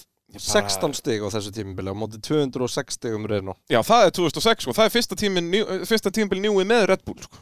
Hann fer fyrir 2006 Hann náttúrulega ætla ekki hanna Nei, 2006 nei. bílum. vissulega ekki, en þú veist, þetta var liðið sem var svona, þetta var bara brandar eitthvað, þeir voru bara, þetta var bara orkudrykkjur og þeir voru alltaf eitthvað fyndnir í Monaco Já, og með eitthvað jam alltaf og Já, læti og þú veist að sundlaug og Adrian eitthvað. Newey sem er svona, hérna er mjög leiðinlegu maður hann hugsa mikið, hann er nauðasköllóttur og, og, og bara svona það er engin stemming í kringum hennan gæja að hann fari að koma þann inn frá McLaren og frá þú veist Williams fyrir það, bara langt besti hönnurinn það segir svolítið mikið bara hversu mikið hann langar að fara í burtu frá þessum McLaren dæmi sko.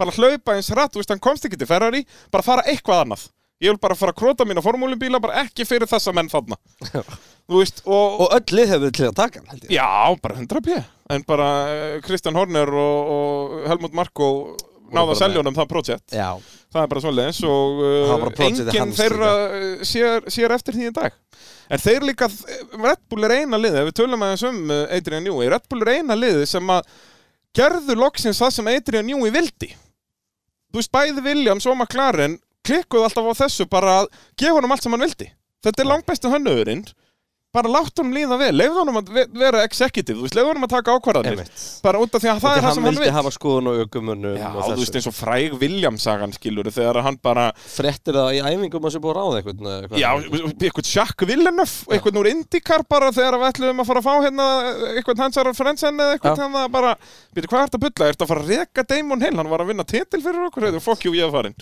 þú veist þetta var allt svona, en þangað til að Red Bull komum bara, heyrðu, þú mátt gera hvað sem er bara hvaða aukumenn viltu og bara, Já. eða þú veist þú ert með okkur á borðinu skilur Eh, Í öðrum fréttum árið 2006 að þá vann Double R, eh, Double R Racing eh, sinn fyrsta svona alvöru titill í þessum minni serjum. Eh, Mike Conway vinnur Já. breska International Formula 3 titilin og Macau GP. Já, hann var algjört uh, svona legend í minniseríunum Já, já, en náði aldrei að taka skrefið áfram. Ég þekki þetta nafn allavega Jú, ekkert. Sko. Mike Convey, hann fór í eitthvað e, Var hann ekki í Indi? Jú, kannski eitthvað svo leiðis. Uh, he lives in Kent Eh, Já, Lögrættilegtur. hann fór í IndyCar 2008 Búin að vera í einhverju Le Mans. til og- 2013 sko. og svo einmitt fyrir hann í já, Le Mans og, Já, og já. hérna en hann, hann var svona Bara hann var eitt af solid. nöfnunum sem var oft minnst á svona einmitt í, Í Karlinn í og þessu já, þú dóti. veist bara í eh, Formule 3 og svona já, Uh, verkvarasalan að sjálfsögðu stoltur styrtaraðinni uh, motorvarpsins, nei, við erum ekki í motorvarpinu, Ha, ha, ha, ha. við erum í petnum, þú ert alltaf að reyna að plugga já þetta er rosalegt ég er orðin kengruglegar, hættu þessu ah, við erum í petnum, ég er bara vanur að vera í podcasti hættu þessu, það er mikið álag á mér hvernig heldur þið líðið að vera út í bandaríkjunum í tvær vikur ekki að taka podcast alltaf tíman Ég veit ekki hvernig það haga mér sko. Nei. Ég næði að taka ykkur viðtölu Þú, þú, tólfara þú heldur bara símaninu minna okkur um bar eftir að tala við einhvern Yes, yes, hello, Já, Formula One herðu, sko. já, ég þurft að gera það, það er það ekki, viljum við ekki heyra frá fullum ba bandarækjumannum hvernig formúla er? Nei, Ég tek þetta verður bara instastóri á brallan. Æ, ég, ég minnist vel á það Já, er það Það er ekki. auðvitað að skipa þar Herðu, Milwaukee eh, heimavöllur eh, okkar að sjálfsögðu, Milwaukee er okkar eh, verkfæri Heldur betur Ég og... þarf einmitt núna að fara að snitta stegan Ég ætla búin að leggja parketið Já. Er ekki byrjað á listunum og þannig Það er svolítið síðan ég kláraði parketið En ég þarf að vera að snista í kringum stegan og, eða, þú veist, að leggja á Já. tröppurnar Þetta er svona tvö, tvö þrepp Sko, upprunalega planið mitt var að fara til Milwaukee í, í bandarækjareisum minni, en það er alltaf mikið dúdúdúr. Þetta er norðan við Chicago, sko, ég nenni því ekki. Já, það er of mikið En ég þekki grótaran mann uh, í Milwaukee sem heitir Max, það er nú reyndið gamalögu pakki. Nei, En, eh, samsæðskenningar að að vera til hérna Heldur betur, heldur betur eh, Ég sá þetta að Max var komið með Viaplay merki á hjálminn í, í Singapur Já, húf, okkar maður Það er svolítið svo leiðis 2007 Þá fara hlutinir að gerast því að eh, eins og við tölum á hana þá er eh, Kimi eh, mættu til Ferrari og eh, hvað gerir Kimi? Jú, hann gerir minnst Ferrari hlut sem að eh, til er og eitthvað sem að hann vissi að Ferrari myndi aldrei nokkuð tíma leifa og það er í, í janúar eða februar þá skráar hann sig til keppni í snjósleðakeppni í, í Finnlandi en að sjálfsögðu notar hann eh, nafnið James Hunt þannig að enginn fatt að þetta sé hann Já, við erum líka að tala um þetta er, hann, er, hann er bara Hann var að byrja hjá Ferrari Já, já, hann er bara, þetta er bara fyrsta sem hann gerir undir merkjum Ferrari, það er að klæða sig í Red Bull galla og fara að keppa á, á snjósliða. það er, hefur þessi myndir á honum í, svo hann er Red Bull kettað frá toppið til dáar. Mm, Maður sjá, Kimi, Raikkonen Sleðin er gu- blár og allt, James sko. Hunt, uh, Motor Nei, eh, sko. hérna Nei, snowsled snow- Snowmobile uh, story eða eitthvað. Snowmobile Þannig er hann, Já. lögrandi léttur með með Red Bull hjálm og allan pakkan, samt bara í cargo gallabuxum, sko. Enda spakur, þetta var náttúrulega bara eitthvað svona uh, gott flip í gangi. Uh, kvótið frá honum uh, um þetta er djöfulli gott. Uh, my friends and I always joked about entering a race as James Hunt. Uh, my life would definitely have been much easier in the 1970s. I was def definitely born in the wrong era. Þegar verið að bera hann saman út að hann náttúrulega, Kimi Rækonin er bara nútíma James Hunt Já, já. bara eh, partítýr og letur ljúra káttur það er svolítið svoleiðis uh, en uh, Kimi er náttúrulega í, með Ferrari með Filipe Massa þeir eru hérna tveir saman uh, lögrandi léttir uh, og uh, vinnur sína fyrstu keppni Já. tekur Ástralíu 2007 og er þar með fyrstu ökumæðurinn síðan Nigel Mansell árið 1989 til að vinna sína fyrstu keppni með Ferrari þegar að Nigel Mansell var á eh, að mínum að til fallaðasta Formule 1 bíl sögunar Þetta, uh, ertu núna búin að breyta? Já, nei, að mínum að það var kvati sem var, var með F2004, Já, já það er svoleiðis. Uh, en eftir hennar fyrsta sigur uh, er þetta ekkert frábært. Það er nær tveimur þriðjasættum og svo dettur hún út á spáni og svo er þetta áttunda, fymta og fjórðasættið. Þannig að þarna eftir bandaríska kappaksturinn að uh, þá er Lúi Samilton nýliðin hjá McLaren kom með ansíkóð á stöðu.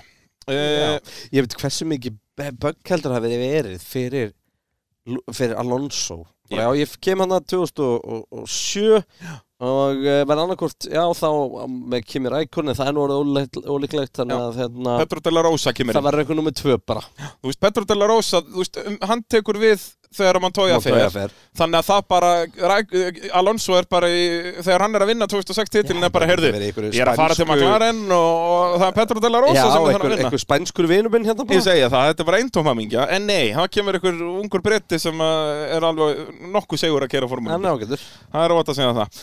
E, ótrúlegt en satt að þá vinnur okkar maður Kimi Rækonin á spa þriðja árið í röð. Það eru bara fimm ökuminn í sögunni sem á ná því.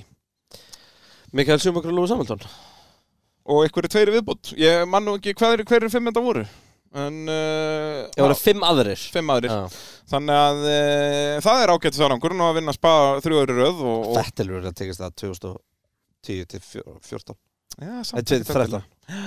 en samt ekki, út að þá var þú veist 2012 bílinn var ekkert góður Ég ætla bara að skoða þetta meðan þú ert að halda þú áfram sko. ætlar tala. að skoða þetta, já Ég forvitin bara. En- ég elska svona. Þetta er svona ekta svona, svona sem að dettur uh, onni, þú veist, í hérna. góðum sjóuhotnum Já, það þú er svolítið veist, eða svolítið bara, og, og þú veist, og bara Kimi náttúrulega átt að vinna þetta fjóru sinum í röð sko. hann var hálsbreytt frá því að vinna 2008 við fyrir betur yfir það á eh, eftir Uh, en staðan er svoleiðis þegar að tvær keppnur eru eftir að þá er Kimi Rækkonen 17 stegum á eftir Lúi Samhildun og einhverjum hvað tíu á eftir uh, Alonso og þannig að McLaren eru þannig toppmálum eru búin að Djöfull tryggja ertu sér eh, lélegur. titilinn mm. Djúvill ertu lilur Nú? Kallaði fanboy Ú, er það, ó, auðvitað er það Jim Clark Ah. auðvitað Það er Jim Clark uh, en hérna Schumacher Ó, Senna ætlar að fara yfir þetta Clark Kimi Þetta er Schumacher, Senna Clark Það er ekki þrísvar, Kimi Þetta er búið að vera bara að skiptast á hérna síðust árin Maxim er tvo í raun núna og en ekki að þarna snemma, var Wikipedia að ljúa mér um, kannski var, ég bara, var mér bara misminna staðarind sko, Clark vann fjóru sinni mér öð já, já Eh, Senna vann fjóru sinni mér öð Jú, Schumacher Já, ég er búin að segja Schumacher já, já. Þetta er bara þetta er rámt hjá Eru Wikipedia fjórir? hjá brálunum fjórir með allt niður um mig Uh, en hvað um það uh, eins og staðan er já með tværkeppnir eftir, 17 stig og þarna fást 10 stig fyrir sigur þannig að líkvöndan á að Kimi verið meistari er uh, nánast ekki neinar Já, þetta er bara búið þetta er bara búið uh, hann gerir svo sem allt sem hann getur, vinnur Kína og Brasilíu en uh, já, eins og við heyrðum í klippunni hér í, í byrjun þáttar að þá uh, vann hann titilin með einu stíi eins og uh, engineerinn hann segir við hann samkvæmt hans er reikningum, þú veist, þeir voru náttúrulega bara sveittir og ennin og reikna Já. út stöðun og þeir trúðu sér bara ekki Býtu, býtu Já, og svo bara You won the championship by one point After my calculation Eitthvað, þetta er svo störtlað sko. Og líka, þú veist, McLaren hann er löngu búin að vinna titilinn Síðan náttúrulega er þá, sá titill dæmdur af þeim Út að þeir uh, voru að svindla Nóttuðu gögn frá Ferrari Sem er uh, auðvitað stránglega banna Það er alveg mjög fyndið að skoða heimsmeistramót uh, bílasmiða Já, því að þetta er Ferrari Dominance já þau eru En eh, með í raun- 204 stig en- og BMF í öðru með 100 Já, en í raun voru, var þetta McLaren dominance Já.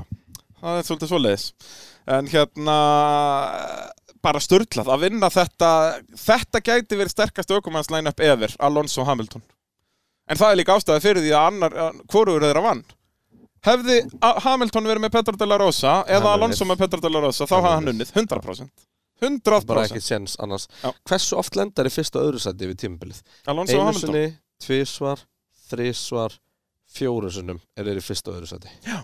Og sko, og þú veist, í fyrstu keppnir er í öðru og þriðja, svo er þeir í fyrsta og öðru, svo í fjörðu keppnir er í öðru og þriðja, svo er þeir í fyrsta og öðru, svo er þeir í bandaríkjum í fyrsta og öðru, þú veist, þetta Já, er bara, þetta er bara, þú veist en þetta bara- er samt ef þú ekki er svo alltaf- Schumacher Alonso 2006, það var áttasinnum sem voru í fyrsta og öðru sendi þeir tveir það var Já, en störtlað hann er að tala um þeirra liðsfélaga Ég veit sko. það. Þannig að þú veist, emmið, ef að Það er ef að bara annar, 100%. Ef að bara annar hefði alltaf lent Já. í þriðasendinu eða í öðru það sendinu bara Kimi hafði aldrei átt Já, sjans bara aldrei sko. nokk bara ekki, það hefði aldrei Nei. verið í myndinu við hefðum ekki verið að tala um Nei. það uh, út af því að þessi Ferrari var ekkert spes en Já, þeir þannig að bara þetta er voru líka bara svo störlað ekki nóg með að vinna með einu stíi Hamilton og Alonso eru einu stíu eftir og þetta við erum svo ofta að tala um þetta þegar við erum að tala um sko hei þú veist, uh, uh, vilja Mercedes ekki bara taka verðstappen skilur og eitthvað bara svona jú, en þú vilt ekki hafa tvo Nei. bestu ökumenn á saman bíl og það liðið þitt verður ekki gott, þú veist, það er betra að hafa ökumann sem er stundum í þriðasæti frekar en alltaf í öðru út af því að þú myndi alveg jafn mikið vinna titilin Ferrari voru nú samt alveg að tefla og tæpast að vaði með það líka sko. Massa, Já, þú segir, já, massa, Massa er þarna alveg með núll sigur. 94 stík Já. sko. og með alveg þrjá sigra yfir tímabilið og- og Jöfisins svona. ökumannslæni, voru þetta hana? Já, þannig er massa, Massa ennþá rækonin á ógeðslega móti góður. Alonso Hamilton, já, hann er hann ekki búin að fá gorm í hausinn. Akkurat Þannig að hann er hann ennþá bara geggjaður og náttúrulega átt að vera meistar Í hvaða sæti allir massa hefur verið þegar hann var dæmdur og leik í Kanada?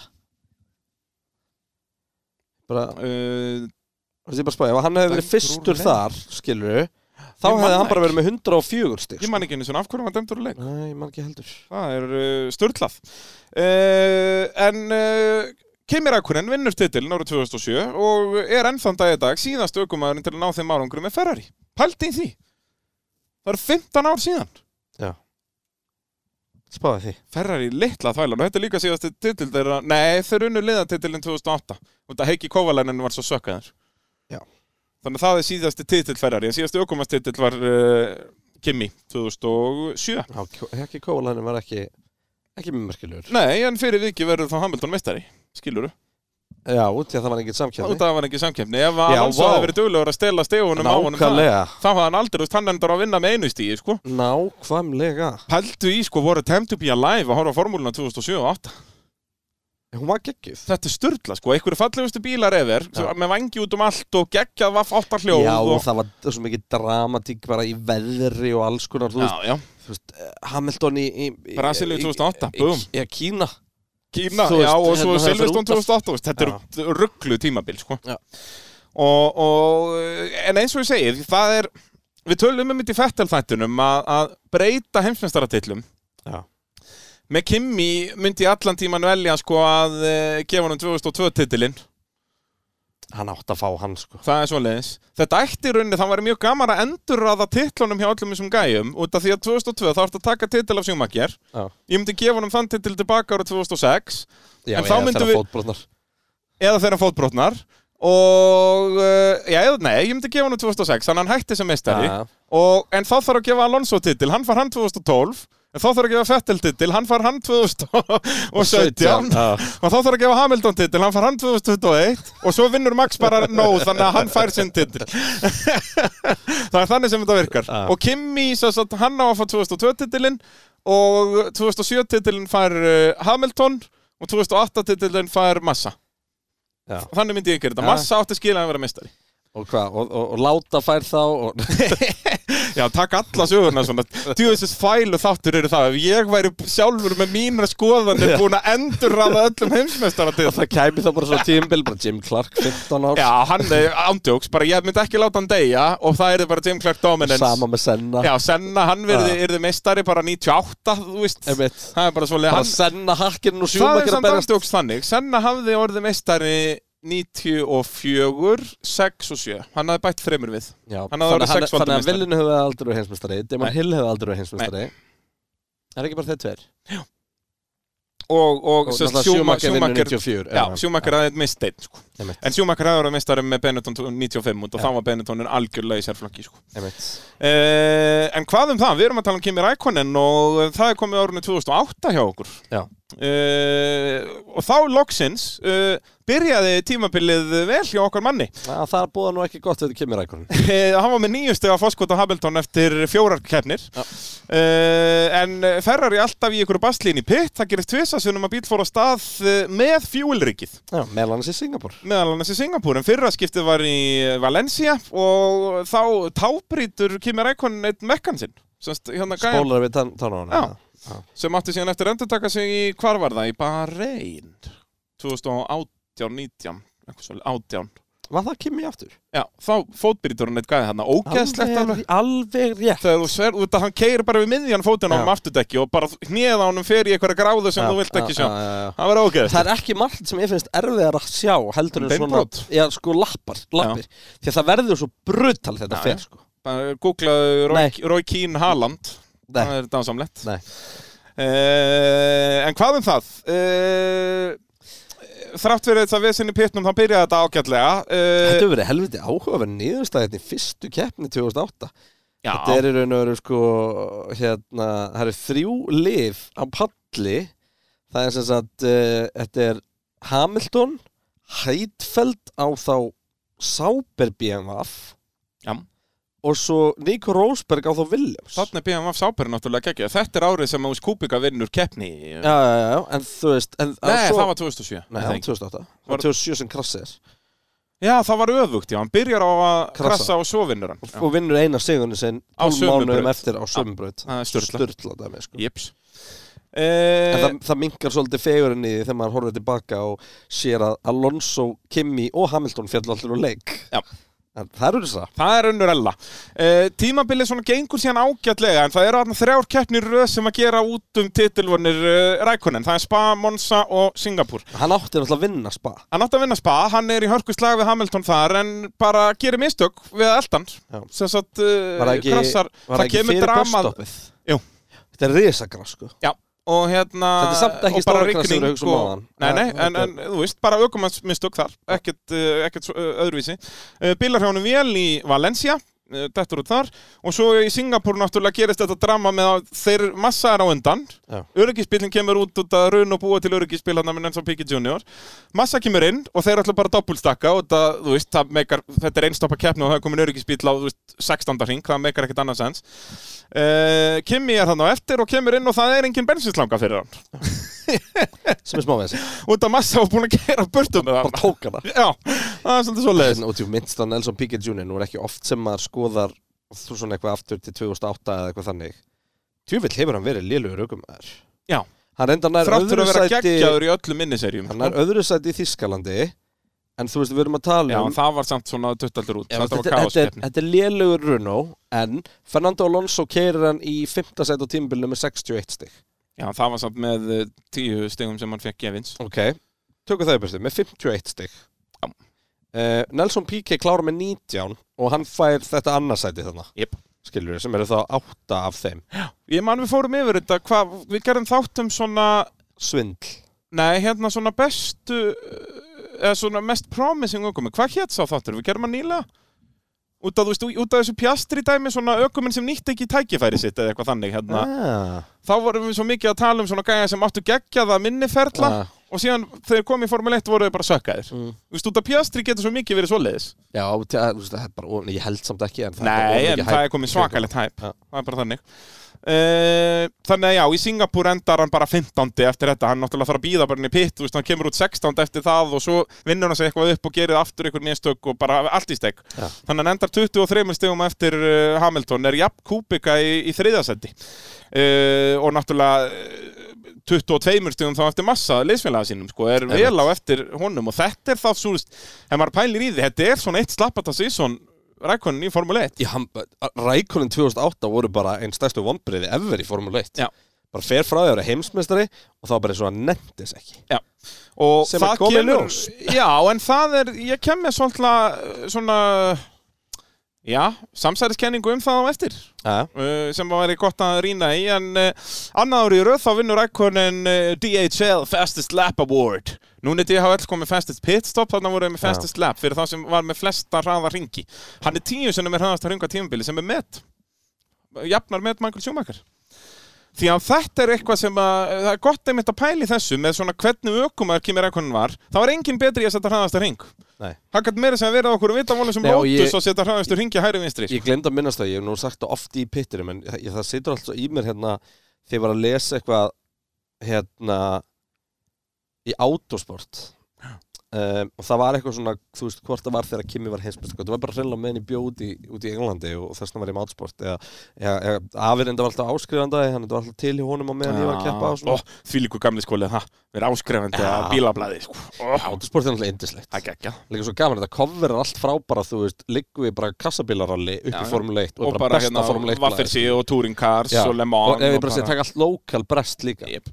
en hérna þar var einmitt eitthvað viðtal við þá sem voru að testa hann í byrjun hjá McLaren Já. og bara, þú veist, það voru bara allir sammála um það að Kimi Rækonen væri hraðasti ökumæður sem hefði nokkuð tíman sest upp í McLaren og þá kemur alveg bara spurningum og meira að segja sá sem má ekki nefna Já. sem er Arton Senna Já. Já, meira að segja hraðar en Senna þú veist. Á einum ring Nei, en það, var það bara, er- það var bara að tala um bara sem ökumæður sko. Já, en þú veist, en ferillans, þú veist, við munum gera svolítið uppferðin í lok þetta, en þá held ég að við munum svolítið tala um það að það vantaði þetta konsistansi, sko. Já, og bara, þú veist, bara áhuga. Já, þú veist, hann er svo mikið eitthvað upp og niður í þessu, sko. En, En en þú veist, þessi gæi on, sing emitt, gætt gert hvað sem er. Árið 2009 þá uh, ég í byrjun árs uh, gefa Forbes út uh, lista yfir launhæðist uh, íþróttamenn uh, heims. Þar er Tiger Woods í fyrsta þætti og Kimi nokkur rækonin í öðru sendi.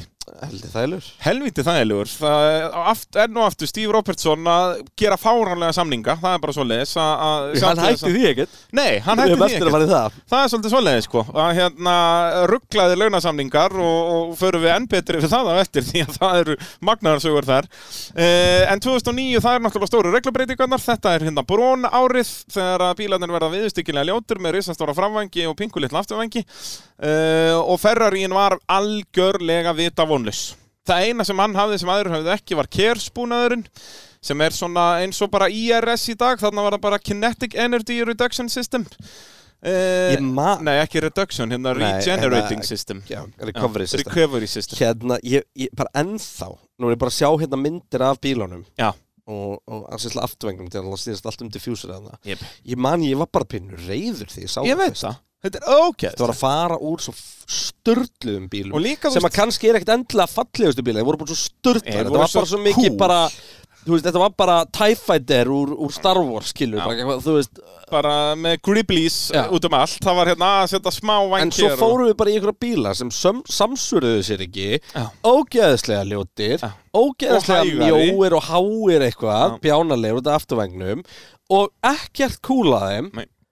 Það er bara auðgist Ég veit Þetta er það, náttúrulega, þú veist, all- alls ekki Þú veist, ljótasti bíllinn á þessum tíma Kemur náttúrulega aðeins setna En það lótusinn Guð minn almáttur með dildóin framann á sér maður Holy hérna- hell sko og, og, og nei þá lótusinn hann var með vakinuna hann var Tóra Rossóðan með Héttu dildóin báðir lótus Mástu, ég ætla um græna lótus Já, keitira minn Hann var lótus Já, ég veit, þær voru báðir Já, Það var Keitaramin, alvöru já. lótuslið Hitt var bara með En var þetta nafnið. ekki bara kvenn og kall útgáðan af lótus? Jú, það geti verið að Þetta var bara hefur, konur bara, hefur ekki bara þe- þarna Og svo passa landaði fram á bara- okkur annan og það kemur lítið gongart bíl út Kemur hérna, kemur hérna Níu lót- mánuðum lí- seinna. Lótus Elís Svona, Já. eitt svona lítill Já, það er bara svona Lotus 25 bara frá 1960 Skotir. Ég elska þegar við tölum um kynferðismög Formule 1 bíla Já. Það er bara, það getur verið uppáhalds tópiki mitt Já, já Eh, en í, í þessum í uh, þessum reglubreitingum 2009 þá voru Ferrari með allt nýrum sig uh, auðvitað nær uh, Kimi að vinna á spa uh, það var aðalega þöks í þessu kerskerfi þann sem hann hafði Eh, Var það ekki kæmur sem Rafmagns- að Luka Badóer var með honum eða? Jú, það er, og hann er að keppa við eh, Fisichella um fyrsta sæti og Fisichella er á Force India Já, og það Force India hönnuði bílinn sem bara hefur sleppum þessum vangjum já Hann bara, hann verið góður að spáum hans já, það er svolítið svona leis og uh, En þetta tímabil var náttúrulega bara uh, non-existent hjá Ferrari Sér, þú veist, Já og Kimi þá líka þetta slekkur bara á hans áhuga á Formule 1, hann nennir þess ekki sko. Nei. bara eitthvað að vera að berjast um áttundasæti eitthvað, hvað endar hann í heimsastáramótinu? Sjötti hann endar sjötti uh, Einu stíu eftir Lúi Samhaldun Já, náttúrulega McLaren var alveg jafn mikið sorpaðna sko, en alveg eins og Kimi náði Hamilton þá allan að vinna eina kenni Þetta var bara bar á móti Red Bull Nei, ekki bar, brón á móti Red Brón Bull á mútið Red Bull, akkurat uh, hérna, eh, sambandi vestnaði náttúrulega miklu meira, þarna milli Kimi og, og Ferrari og í oktober staðfesti liða að Kimi keirir ekki með þeim á næsta ári, eh, þrátt fyrir að Kimi var með samning út 2010, þetta var svona eins og Daniel Já. Ricardo, þeir borguð út samningin Já, þannig að þú veist, nema Kimi munurinn þar er að Dani Ricardo samningurinn þar er, sko, við ætlum að borga það sem að þú far ekki í laun annar Já. staðar En Kimi, hann bara mátt ekki snerta Formule 1 Já. Næ, var það svona þess? Honum var borga fyrir það að, Já, hann honum hefði Látt- ekki verið borgað ef hann hefði farið í Formule 1 Já, já, það var já, þetta svona var ekki, þú veist, samningurinn var þú far ekki í Formule 1 og við borgum þér þess að styrluðu peninga hérna. þetta Já. Út af því eins og segja, hann- hann, já, íþróttamæður í Það var heimi bara Tiger Woods sem var að selja Já. mér á nægtreyjum heldur en Kimi var að fá bara í laun frá þú Ferrari veist, alltaf sigurlun í, í golfinu þá styrlu og tækir vann þau öll, sko Já, það er eh, svolítið svo leiðis. og, en þannig er náttúrulega vitað að Henki Kovalænin er ekki að fara að fá annan séans hjá McLaren en það sörugur. Já. Það er svolítið svo leiðis. og því eru mjög hávar rættur um að Kimi fari aftur tilbaka til McLaren þannig að fyrir 2010 tímabilið. En, uh, og þeir sérst fara alveg samningavirðaður um það sem að bara gengi ekki. En þarna kemur mitt áhugin eins og þeir hjá Kimi í ljós því að þarna hefur Kimi valið um að fá alla peningana fyrir að gera ekki neitt Já. eða að fá sömu peninga fyrir að gera eitthvað Já. eða fyrir að gefa, skilur Já, eh, sennilega aðeins minni peninga. Já.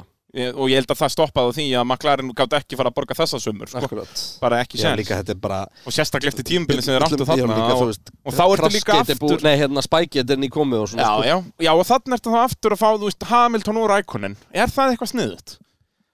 Já, Rækon er alltaf aður öðruvíseldur en Alonso Rækon er bara Já, gets on with it sko. Já, en hann er samt topp ökumar, þú veist, hann fyrir að stela stigum af Ég veist Hamilton. líka bara messa, Nei, McLaren hefur ekki efni á að borga Nei. tveimur svona ökumir Bara ekki fræðilegur, ekki fræðilegur, Já. út af því að þannig er náttúrulega Hamilton byrjaðar að byggja um sömurnar, út af þú veist, hann er orðin mistari og, Já. bara, og náða að kreista út sigur á þessu apparati sem það smíðið hann á 2009. Uh, síðan eru, voru Mercedes og Toyota líka samningaverðum, það var komin mjög langt með Mercedes, þeir höfðu peningana til að borgunum. Já. Uh, en það stoppaði líka á, á einhverju, það er ekki, það er undisclosed en enda að fara í, í rauninni þess vegna kemur Schumacherinn, þeir vildu miklu frekar fá Button og Rækonin Nei, ekki hérna Rosberg og Rækonin segi ég. Já, já, já en uh, þá er bara kallað í, í Michael úr í tagarmenti og Þeim Toyota var, vantaði bara reynslu þarna sko.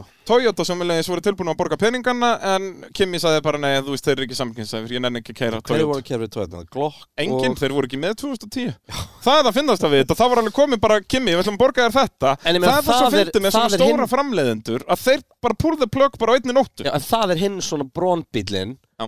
Hann er til Já. Hann var smíðar Já.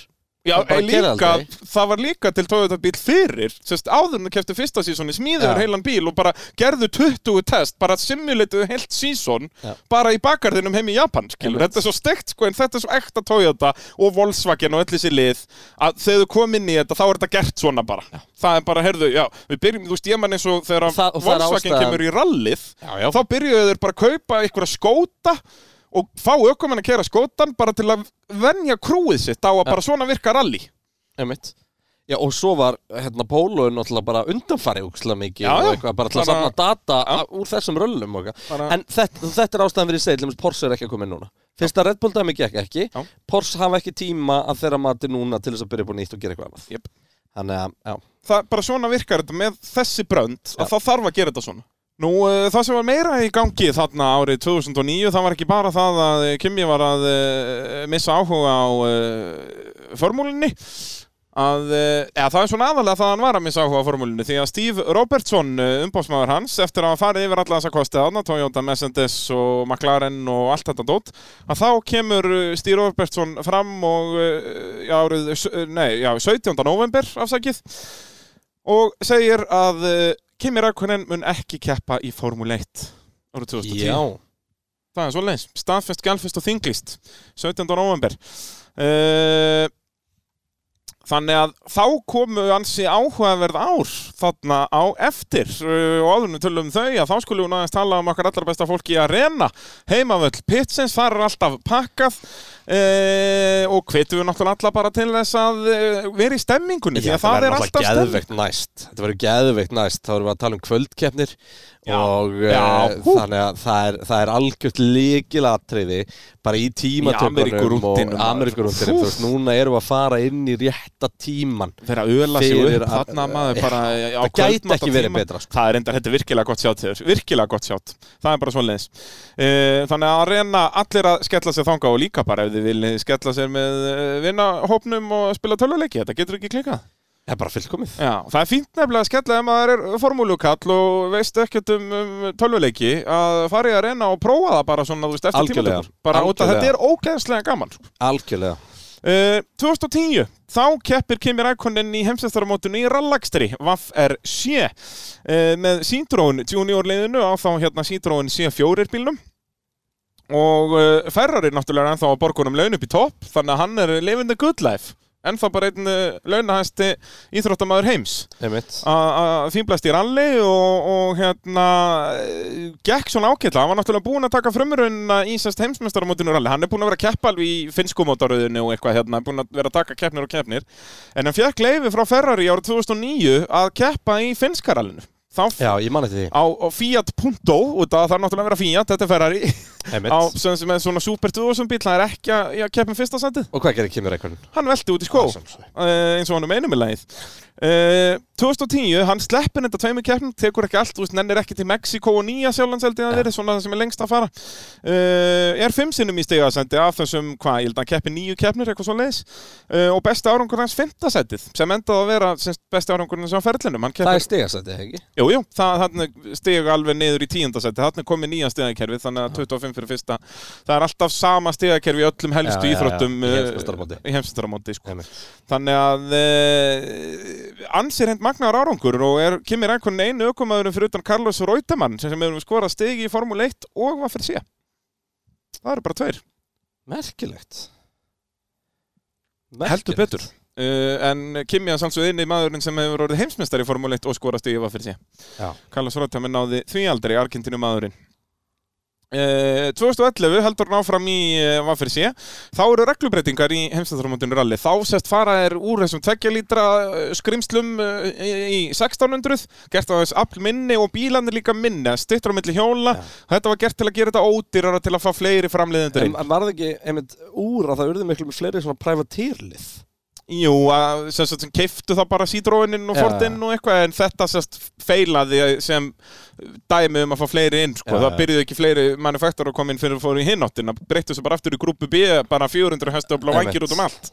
Að, þá fannst fólk þetta hipp og cool, sko. Þannig fóru þeir í öfu og átt að reyna að gera Bara þetta svona grúpu ennastu því Já, Já. svona, hérna, þetta var miklu nær bara svona eins og R5 bílar eru í dag í Akkurat. rauninni og eins og, þú veist, ég fór á rallikeppni í Breitlandi um daginn og þá einmitt voru nokkri svona 2012 Vaffir C-bílar að keppa bara við nýja R5 bíla Já. Þú veist, sem eru núna svona Vaffir C2 bílar svona minni flokkunni Nei, bara Formula 2 eða Já. okkar, einmitt e, Núna stopnar þessi degið lið það, er sest, þannig að Citroen Junior liðið ekki lengur til basically þannig að hann bara er privateer bara en er á sest, Citroen þá DS3 þannig að það er þá sest, bílinn sem Citroen notar eftir þessar reglubreitingar e, og heitur liðið Ice One Racing undan því að Kimi er hip og cool Já, The Iceman uh, og er enn að læra og þar náttúrulega skellur að setna tímabili þar hann að læra á nýja kynnslóbíla sem eru svona miklu kvikari og svona þeir refsa miklu meira þú veist, ef þú ert í slæti bara þú þekkir þetta við byrða stittur á milli hjóla að þá er, er auðveldar að missa hann skiluru, það þú ert að flæða í malaði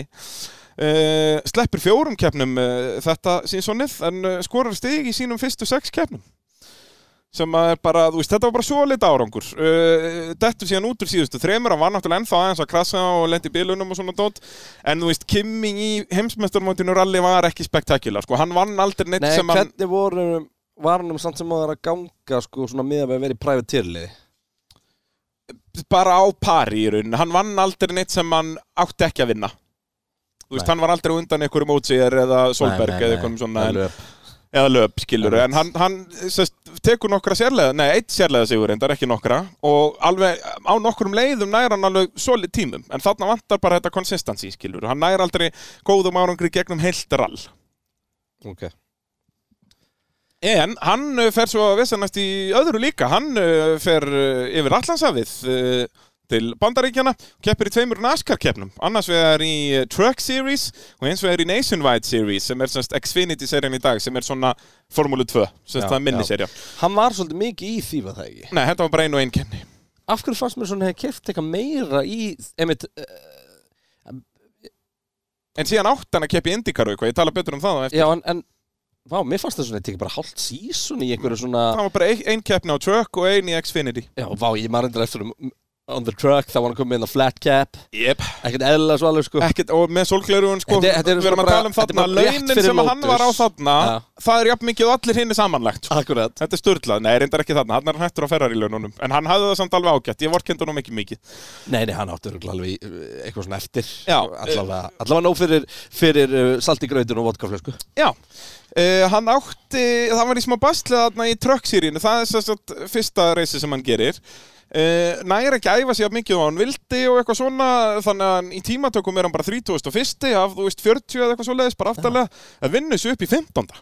endar 15. sem Já. bara mjög respektabúl bara í rauninni bara góður árangur sko Já, og þannig erum við ekki að tala um eins og one-off eðan sí um daginn, þetta voru óval Já, þetta er óvalbraut á a goddamn truck Eins og maður gerir Gæti ekki verið fjær Formule 1 kemur Nei, að mæta Á á trukk í pick-up á óval óval Það er ekki aðeins Það var satt ekkert eðla svart sko Heldur betur, en síðan gengur verður í þessu Xfinity dæmi þá er hann komin á svona NASCAR-bíl bara aðeins minni og þar hann endaði í ykkur basli þar En áhugaverða sagan sem að er frá þessu ári er eh, sem átti að vera indikeppni Máttu ekki lesa skjæleikreinar og vera að passa þetta Nei, þú veist, þá er ég bara dottin í eitthvað annað Já, hættu, þú ert bara eitthvað á Twitter að réttarast Nei, ég er nefnilega ekki á Twitter Vandamálið Við- núna, Við sko- vorum að klikka alveg svakalega bara í- Já, sko vandamáli núna er út að við erum ekki í Nóa Sirius-stúdíónu Já. og við erum bara þar sem við lýsum keppnum þannig ég sé á þinn skjá og þú Já. sér það minn það er ekki Já. gott fyrir En aðtíð Við vorum að klikka sko Ok, Við áttum náttúrulega, við áttum að vera í viðtali hjá F1 eSports áttu við það? Er það svoleiðis? Já, þetta er, þetta er smá klúður En Við erum uh, alls neyrum okkur, við erum við- busy menn sko. Við erum hér með að bjóðast til að koma næst fyrir í beinni, að þá slum Já. koma að spjalla. Við erum lögrandi léttir Já. Hérna, en þessi IndyCar saga er mjög áhugaverð Þá er sess að, er nú búið að keppa með Sam Smith Motorsport eh, í Las Vegas síðustu keppninni á tímabilinu Já. Þannig er Indi bara óvalið, ekki? Nei, Eh, ég held að þessi orðið Er, þarna er ekki Og Tjampkar þó- ennþá? Jú, það gæti verið, Ég ég, held er svo það, sem sko. mér er alveg sama Já. En þetta, en Las Vegas er, er óval. óval. Já. akkurat. Uh, frekar stutt óval eða sest, þetta er super Short course. speedway en, nei, þetta er ekki short circuit sko, þetta er super speedway en frekar stutt, þú veist, það er ekki svo sniðut að vera með fullt af IndyCar bílum aðna, hún er það lítil þú veist. Ah, Uh, Indianapolis og svona meikar sens en, en, en ekki svo sniðut í Las Vegas uh, Randy Bernard, uh, CEO of IndyCar, hann vildi bara fá Kimi bara aðal kallin aðna, bara sest, honum vantaði bara international driver út að hann ætlaði að gera svona stunt, svona PR stunt Ah. að hann ætlaði að gefa Kimi 5 million bucks og einum random aðdáðanda Á brautinni. annan 5 million bucks á, á bröðinni ef að Kimi myndi klára first to, nei, last to first challenge þetta var bara svona eins og ykkur töluleik hann átti að ræsa síðastur og ef hann vinnur keppnina þá far hann 5 million bucks og random audience member ég, Ef að ég væri, hver á bestur í IndyCar 2012? ekki kvöðmynd, þetta er 2011 Eða 2011, þú veist, ef að ég væri að keppin titilinn hann 2011 Já. og það væri gert lítið um mér með því að fá einhvern, alþ, einhvern, þú Einhvern Kimi form- Räikkönen, einhvern Kimi einhvern Rækon sem að Finna. keppti í Formule 1 fyrir nokkrum árum uh, til að vera með eitthvað last first challenge Já. þú veist, mér hefur bara þetta niðurlegandi fyrir sportum Já. þetta er svo mikilfæli, þetta er svo bandaríst að hálfa verið Já. hellingur sko. Þetta þetta er Mér rosalega finnst alveg fyndin hugmynd Já. og þetta gæti alveg verið skemmtilegt en þetta gæti verið ógeðslega skemmtilegt ef að Kimi Rækon hefði mætt í go-kart kemni Já. Það sem að allir eru bara, já þetta er Kimi fokkin Rækon og ég Já. er bara eitthvað go-kart og allir er að horfa upp til hans og eitthvað, Já. ekki bara hver, hver er þetta af hverju segir hann ekki neitt, af hverju er hann að borða ís þú veist Hvaða helvitis trukkur er þetta? Já, bara hvaða þvæla er í gangi hérna uh, En Kimi neitaði þessu þar sem hún fannst sem Sam Smith bílinn ekki nógu samkefnisæfur Hann var alveg Opið með, fyrir með þessu. allt opið fyrir þessu En hann hefði viljað fara til Andretti eða eitthvað svona Einmitt, á einmitt. á bíl sem að að gæti uh, kefta uh, Þannig að Dan Wilton fekk þetta takkifæri, brettin Og var það gert? Já, Þetta last to first challenge Já. Hann vann það ekki Nei, Nei. Hver er Dan Wildon? Þek, kveikir þetta nafn engum bjöllum Dan Weldon Því að þetta hafði verið líkist hann að skimi rakunin Dóan í Hann deyri í þessari Kappakstri. kefni Út af því Nei. og það er bara verið að tala um þú veist, Allt eftir þetta var bara okkur hver á að fara í fangelsi Út af þetta var bara þvæla Það voru bara 50 indikarbílar Að keppa á pinku litlu óvali Og það var bara spurning hvort en ekki hvernar einhver myndi drepast sko. Og það er gæinn sem að fær þetta Sam Smith sendi Sem að Kimi átt að vera í Wow Út af því að hann er í einhverju last to first challenge Bara fyrir okkar allra besta Randy Bernard Já Það er svoleiði sko Já, var mestar árið 2005 Já, þannig fyrir til hans búinn. Hann er komin bara í sjónvarp og eitthvað þarna, en þann, er, hann kallaði í hann fyrir þetta Last to First Challenge. Já Og uh, hann uh, komst þarna einhverja fimm ringi, þetta gerist mjög snemma í keppninni, sko. Fyrir sem Já. sagt uh, bara huge pile-up og hann fyrir upp í katsfensið og aftur nýr á braut og bombað á hann og eitthvað bara, já, indislegt. Þannig að uh, Kimi Rækonen, eins gott að hann sagði nei við þessu. Ekki það, það hefði ekkert nákvæmlega sama gest fyrir hann, en þetta var allavega ekki sniðut. Það er rót að segja það og eh, Dan Veldon ljast í þessari eh, Las Vegas IndyCar keppni. Já, hérna, bara fyrir til að koma í eitt PR-stönd aftur eftir fyrirlu Já, og þú veist, þannig er hann orðin góður TV personality, þú veist, á Ha. Fox Sport, þú veist, þó hann sé breyti, þá var hann samt talin mjög góður í að vera, þú veist, hann var vitti en samt sniður og Ha. bara, þú veist, var með framtíðina fyrir sér í þessu. Og væri örugglega bara með formuleitt í bandaríkjörum í dag, eitthvað, einmitt Já, akkurat, en uh, nei, það fór eh, ekki svoleiðis. Uh, en förum þá til ásins 2012. Já. Eh, á hugulegri nótur. Í vikunni fyrir Singapur 2011 sáist myndir af Kimi í höfumstöðum Williams. Þannig að þá var bara spurning, ok, hvenær kemur annarsmyndum að hann kemur með Williams 2012? Ja. Því að það vissi allir að hann vildi koma aftur. Einmitt Það Er, hann er búin að Og vera að tala við flest liðin liðið og, vildan og að- ég bara öll lið, basically. Ég meina hann er the hot shit in town, en þú þarft ekki að efna á honum og Williams þátt ekki að efna á honum. Eh, Það var ekkert úr þessum samningum eh, og Kimi vildi líka keira samkefnisæfari bíl. Þannig að hann tók sensin með Lotus. 29. november er Kimi staðfestur aukumæður Lotus fær tveggja ára risa samning. Takt eftir því hvernig november er alltaf líkilatrið þarna en ekki, þú veist e... Ekki ágúst. Já, eða, Eða eða júlí. júli eða Já. eitthvað, sko Uh, og enn og aftur, Steve Robertson umbósmaður Kimi, hérna kemur störðlaðasta sagan með þetta, ég held að við höfum sagt hann einhvern tímann áður en hann, Steve, nær að kreista út samning frá Lotus um að Kimi fái 50.000 eurur fyrir hvert einasta steg sem hann skorar Júp og Lotus svona taka það númer, heyrðu, ok, hérna, hvað þeir Vitali Petrov og Kubica og þeir hvað, þeir voru að skora Ég get bara sagt þér það, ég get bara sagt þér það hvað, hvað fengu þeir hann Ég er að skoða 2011? það Heldarstiga fjöldi Liðsins. Runo eh, ára undan voru 73 stig Já.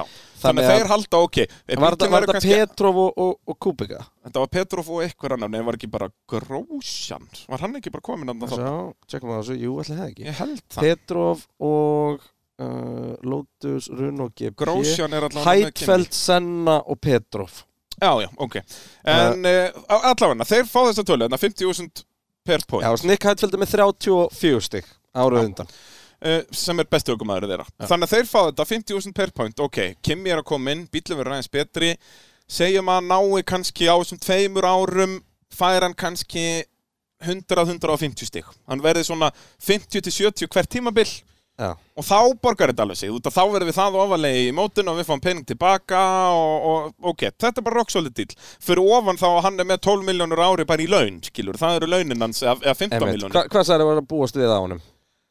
uh, svona, yfir tveggja ára samningin svona 120 stig Uh, var já, svona, þannig að þetta, þetta, það var að byggja um að bónus svona hefði getið verið svona 6 miljón eurur já, eitthvað svo leiðis, þú veist, Sem sem make að- sense hann er með 12 miljónur á ári, sem að það væri þá 24 miljónir og færi 6 í bónus, þú veist, það make sense sem bónus Endar 30 miljón að 2 ára samningi 15, 15 miljón ári sem er alveg hátt samt en, Já, en make sense. Herðu, á þessum tveimur árum skorar Kimi Rækonen 390 stig. Ætlar að negla því inn í vasaregninu? Yep. 19,5 miljón eurur ofan á 24 miljónir sem var með í laun á Já. þessum tveimur árum og þetta, og ég er ekki að skrökva þeir í eina mínútu setti Lotus á hausinn Já. þeir reyndu síðasta di- last ditch effortið eftir 2013 tíðinbíl 2014 var bara engin peningur til og allt í skýtnum 2015 ok, herðu, reynum að taka bara svona þeir hugsuðu eins og svona championship klubbar í fótboltanum að taka svona ok, nú ætlum við að kaupa alla leikmenn að komast í Premier League taka okkur fullt af skuldum en borgum þeir upp út af að komast í Premier League þannig ætlum við Lotus að gera 2015 við ætlum að fá hérna Pastor Maldonado með olíupeningarna sína til að kofera þetta fá Mercedes-vél út af runavélun var viðbjóður og svo ef við náum 5. setinu þá getum við haldið áfram það klúraðist allt saman og Lotus hvarf og allt í skýtnum Já. það er bara út af því að Kimi fucking Rækonen Kostaði skoraði 40. 390 stig Já. þú veist, hann var að berjast um heimsmeistaratitilin 2000 eða bara bæði árin eiginlega, aðalega 2012 Já, þú veist, vinnur tvær keppnir hann, vinnur Abu Dhabi 2012 og, og fyrstu keppna nefnir að 2013 hvorki honni liðinu hefur örgulega dottið í huga að vera með heimsmeistaratitils klásúlu bónus í Nei. en það hefur örgulega verið bara, já, Já, höfum það skellum bara 60 miljónir 200 miljónum í það Já, bara, þú veist, eitthvað þvælu, sko Þannig að, já, þetta er, þetta er bara störlað að einn ökumæður og samningurinn hans og enn og aftur Steve Robertson og Já, hann American líka, Man hann líka skorað þú veist, 207 stig á fyrsta tímabili já, og svo það- hvað þá 180 og setna það er bara, það er bara komnar 10 miljónir bara þar og þú veist, og hann er aftur síðan með samning og sér að honum langaði að halda áfram með Lotus 2014 en þeir bara sögðu bara, heyrðu, kemur mynd það er Við ekki bara- fræðilegur það er bara ekki séð en þú Það veist, er við, bara við þú þurfum ert- allavega að semja Það er, við þurfum að fara alveg aftur til sofasettu og ég finn kannski nokkra böks þar, sko, en bara vitleisa, sko.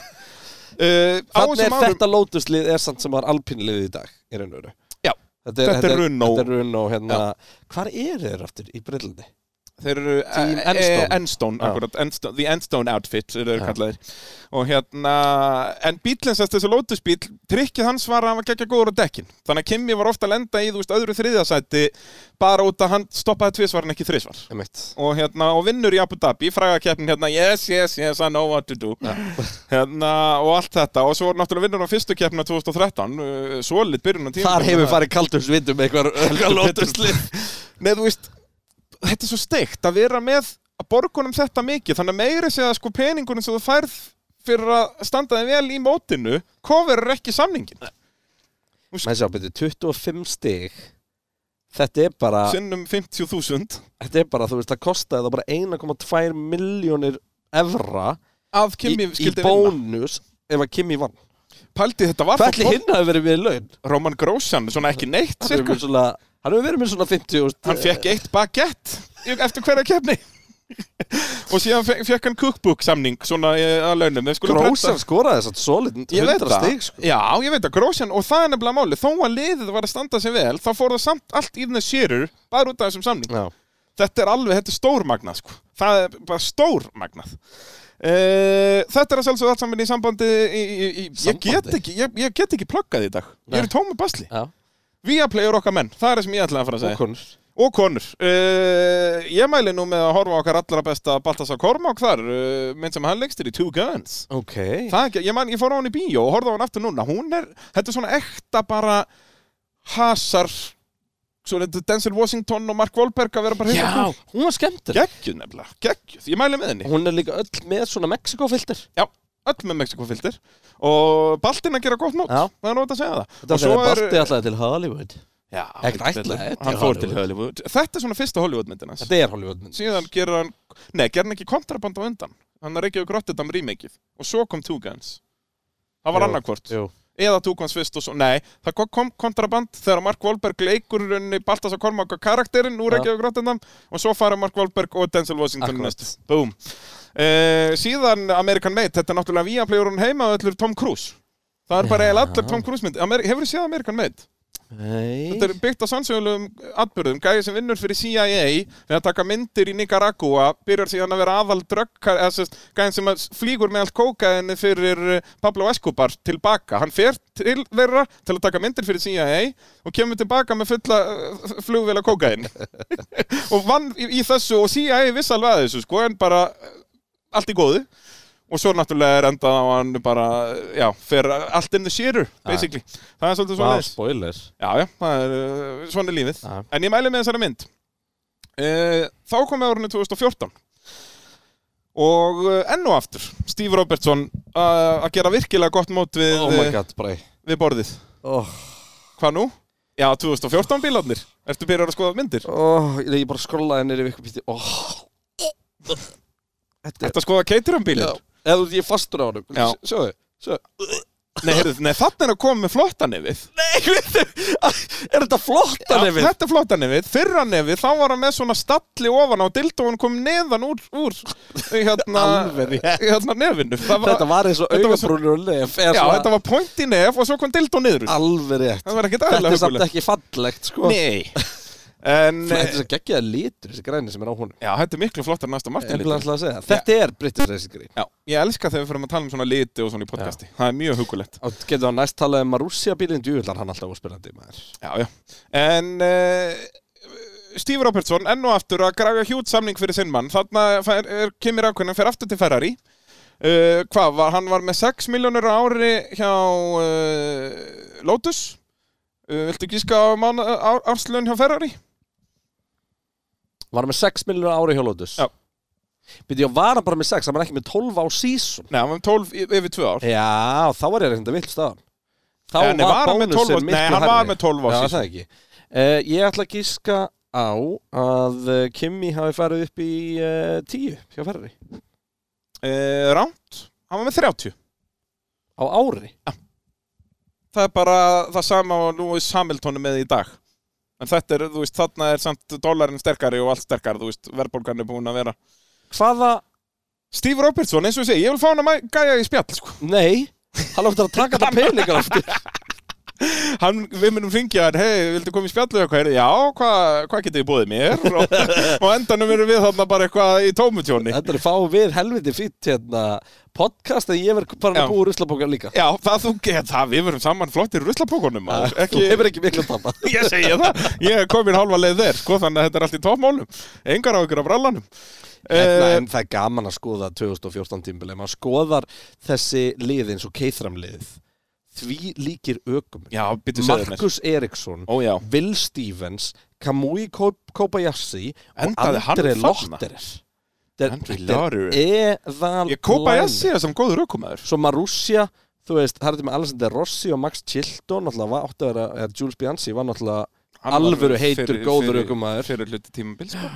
já, allt tímabil, þetta er hérna í Sean Eric Vörn og Daniel Kvíad Torrosso í toppmálum já, heldur betur, heldur betur síðan náttúrulega 2014, þá kemur reglan fyrst með um eitt velja þetta í númer venjulega voru númerin bara þannig að Já. f- f- liðið sem er í fyrsta seti fara 1 og 2 og svo 3 og 4 og jari, jari, jari þannig að með Lotus var Kimi nummi 7 út að þeir voru hérna framalega og þá ekki Kimi, eh, ég voru nokkuð að vera að breyta því eitthvað, ekki bara að vera nummi 7 Þetta er lust Það var, þegar var spurður að, þú veist, wow, af hverju er nummi 7, er þetta, er kantona eða eitthvað?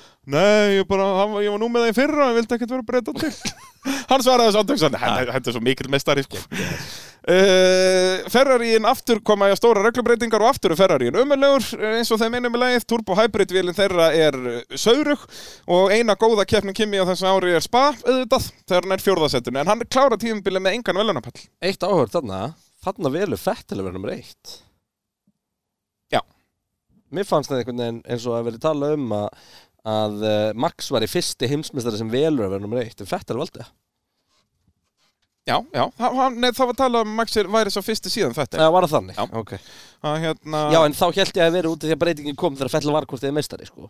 Nei, nei, Fattar já, ég skildi, skildi En hérna, þetta er vesta ár Kimi sem sagt sögulega séð, þú veist, 2008 fannst mér vera verra sem sagt ökumannslega séð en Já. þarna endar hann í 12. sett í mótinu er aldrei á velunarpalli Hann er, já, Kevin Magnússon. Já. Sem er endar á McLaren. Það, Já, hann er Nei. námaklarinn Nær uh, velunarpalli í fyrstu kefninu sinni uh, Kefur Magnússon já, hver á meður? Var það Bötton? Bötton, þannig maklarinn er þarna með uh, enga sponsa bara silfurlitaður Einmitt, Bötton er með 126 stig, Kevin Magnússon er með 55 eins og Kimi Rækun.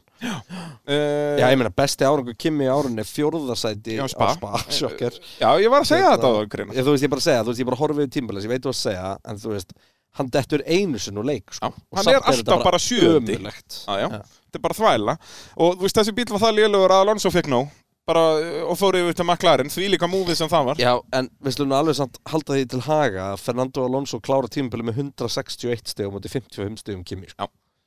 Það Þarna er er, helvítið lélegt hvenær Þarna er- gerist þetta transition? Þetta er bara þarna sem Þarna, þetta gerist að Kimi verður þessi Kimi sem við þekktum undir lokin, Já, skilur þarna, Það er þarna Þú veist, út að hann var ennþá geggjað með Lotus Svo bara fær hann hann hann vinnur 30 bara eina keppni miljonur ári fyrir þetta Það er bara hérna, bandaríkin 2019 2018 2018 fyrir ekki, já hann er Síðasta komin til árið Sáfjörð Ferrari. 2019 já.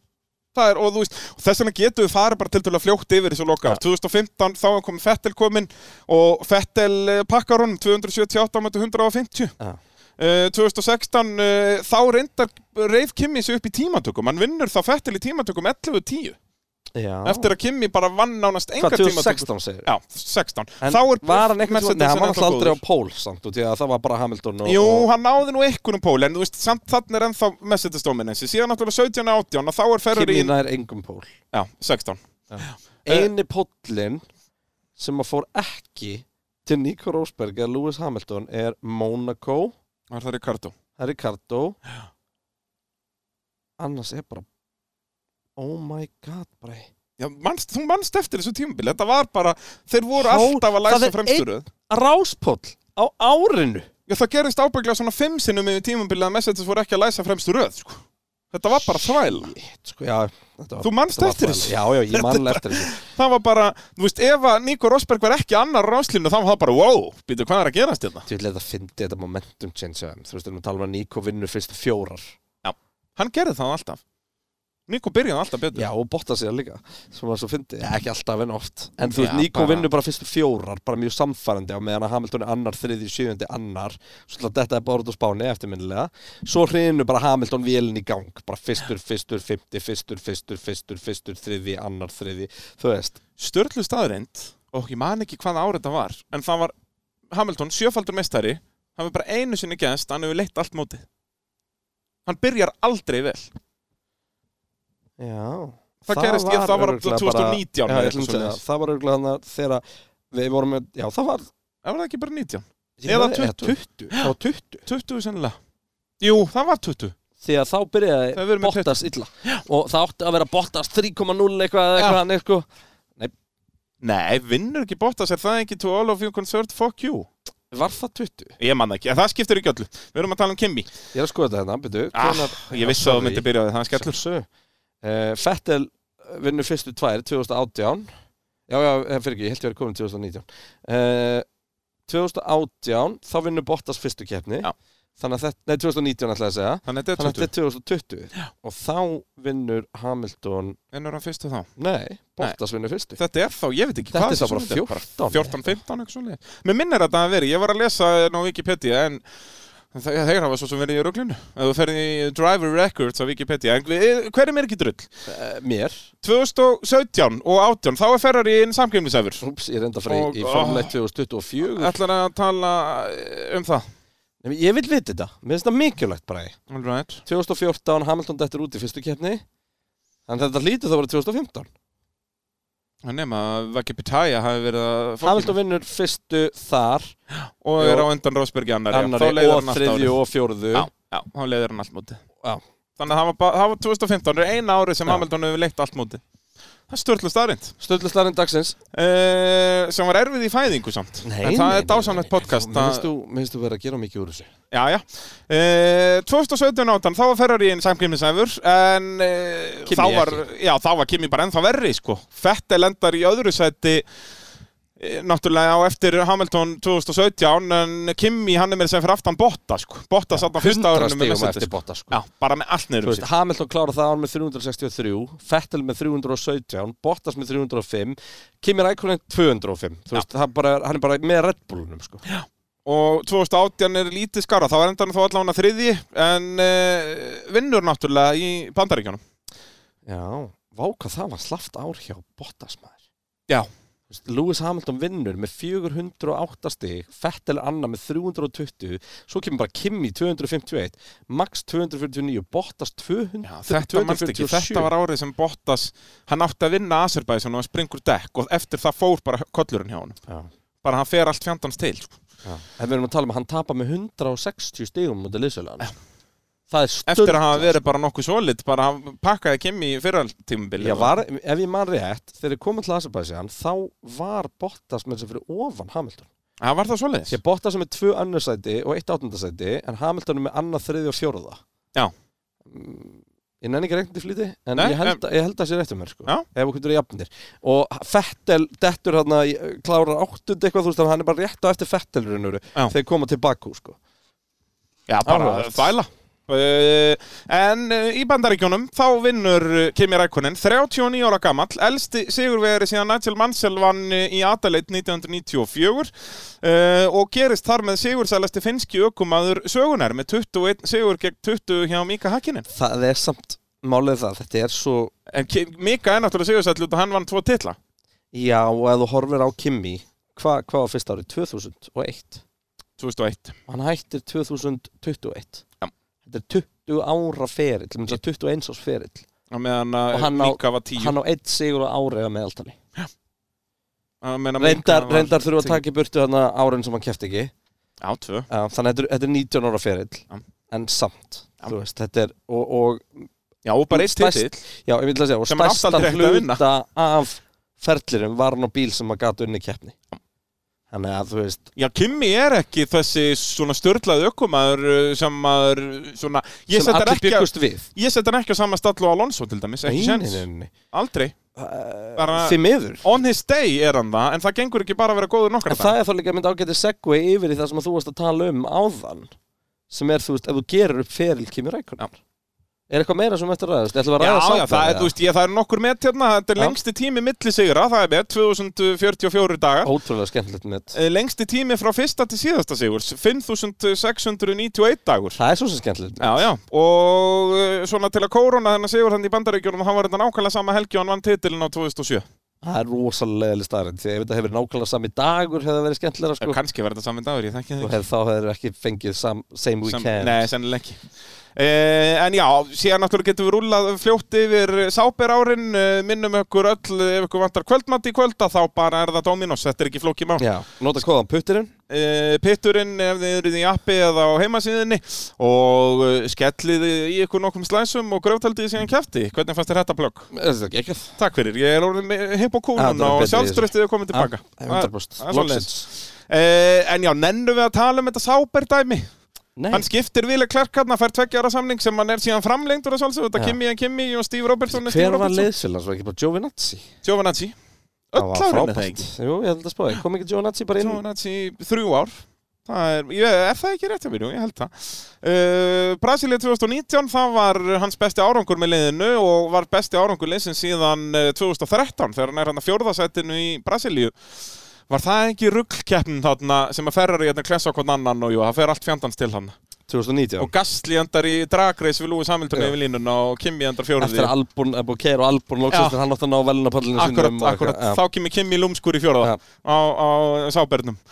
Eh, svo náttúrulega krútlegt bara hérna í Abu Dhabi 2021, síðasta keppninan, svo þá eh, skrifar eh, liðið að sjálfsögðu á stórum stöðum á bílinn Dear Kimi, we will leave you alone now. það var gerð. Það var geggja. Var það bara pældi ekki nýðu út að við vorum pínu og hugsa um eitthvað annað Já. þa- þann daginn. Að það, það að Kimi var að hætti í formúlinu var svolítið mikið sætsjó. Já. En hann endaði líka dætt út úr keppninu og eitthvað. Hann sagði líka bara, it doesn't matter uh, how it ends, It matters, it's, it has ended and I'm very happy about that Sturlu myndir hann var sem að leiða fjölskyldina sinna og konuna sinna út bara í solsetri eða ekki í solsetri, bara svona að ljósunum bara út úr paddocknum Bara, gjössamlega sturl Við erum ekki búin að sjá Kimi Rækunin síðan Hann hefur ekkert sést á Formule 1 braut á þessu tímbili og finnst þér að skrítið? Já, pínu Að það? Já, ég myndi alveg halda að hann hefði kíkt við eitthvað staðar Já Sipp í sig farir í vippinu Ég þú veist, hann mun Eða gera McLaren það vippinu. En hann mun ekki gera það eða strax runn á vippinu Eða eða sápervippinu sáper vippinu Eða býttu hvað, hann kefti með fimm liðum Já, það er ábygglega talið Alfa Romeo sem sérlið þar Já. En Eða- þetta eru basically Já. fjögur liðið, það ekki bara Þetta er Lotus Já, uh, hlýtur að vera Þetta- þetta Ferrari, er Sáper, McLaren, McLaren, Sauber. Ferrari og, og, og runn á sáper það, er, uh, það er svolítið svo les uh, Samtals á uh, ferlinum Hann náttúrulega náði því með þetta að vera reynslu með stökum að Formule 1 hanga til Fernando Alonso og slóða núna bara í Singapúr uh, Hann er með 103 velunapalla Það var hans fjórir aðrir náð þeim árangri að vera semst yfir 100 velunapöllum En Er- svo er hann ein ökumenn, mér finnst þetta geggjannett Hann er ein ökumæðurinn til að vinna Formule 1 keppni með V10, V8 og V6 Já. Það er störtlað Það er svalt út af að Fernando Alonso náttúrulega hefur ekki unni keppni Nei.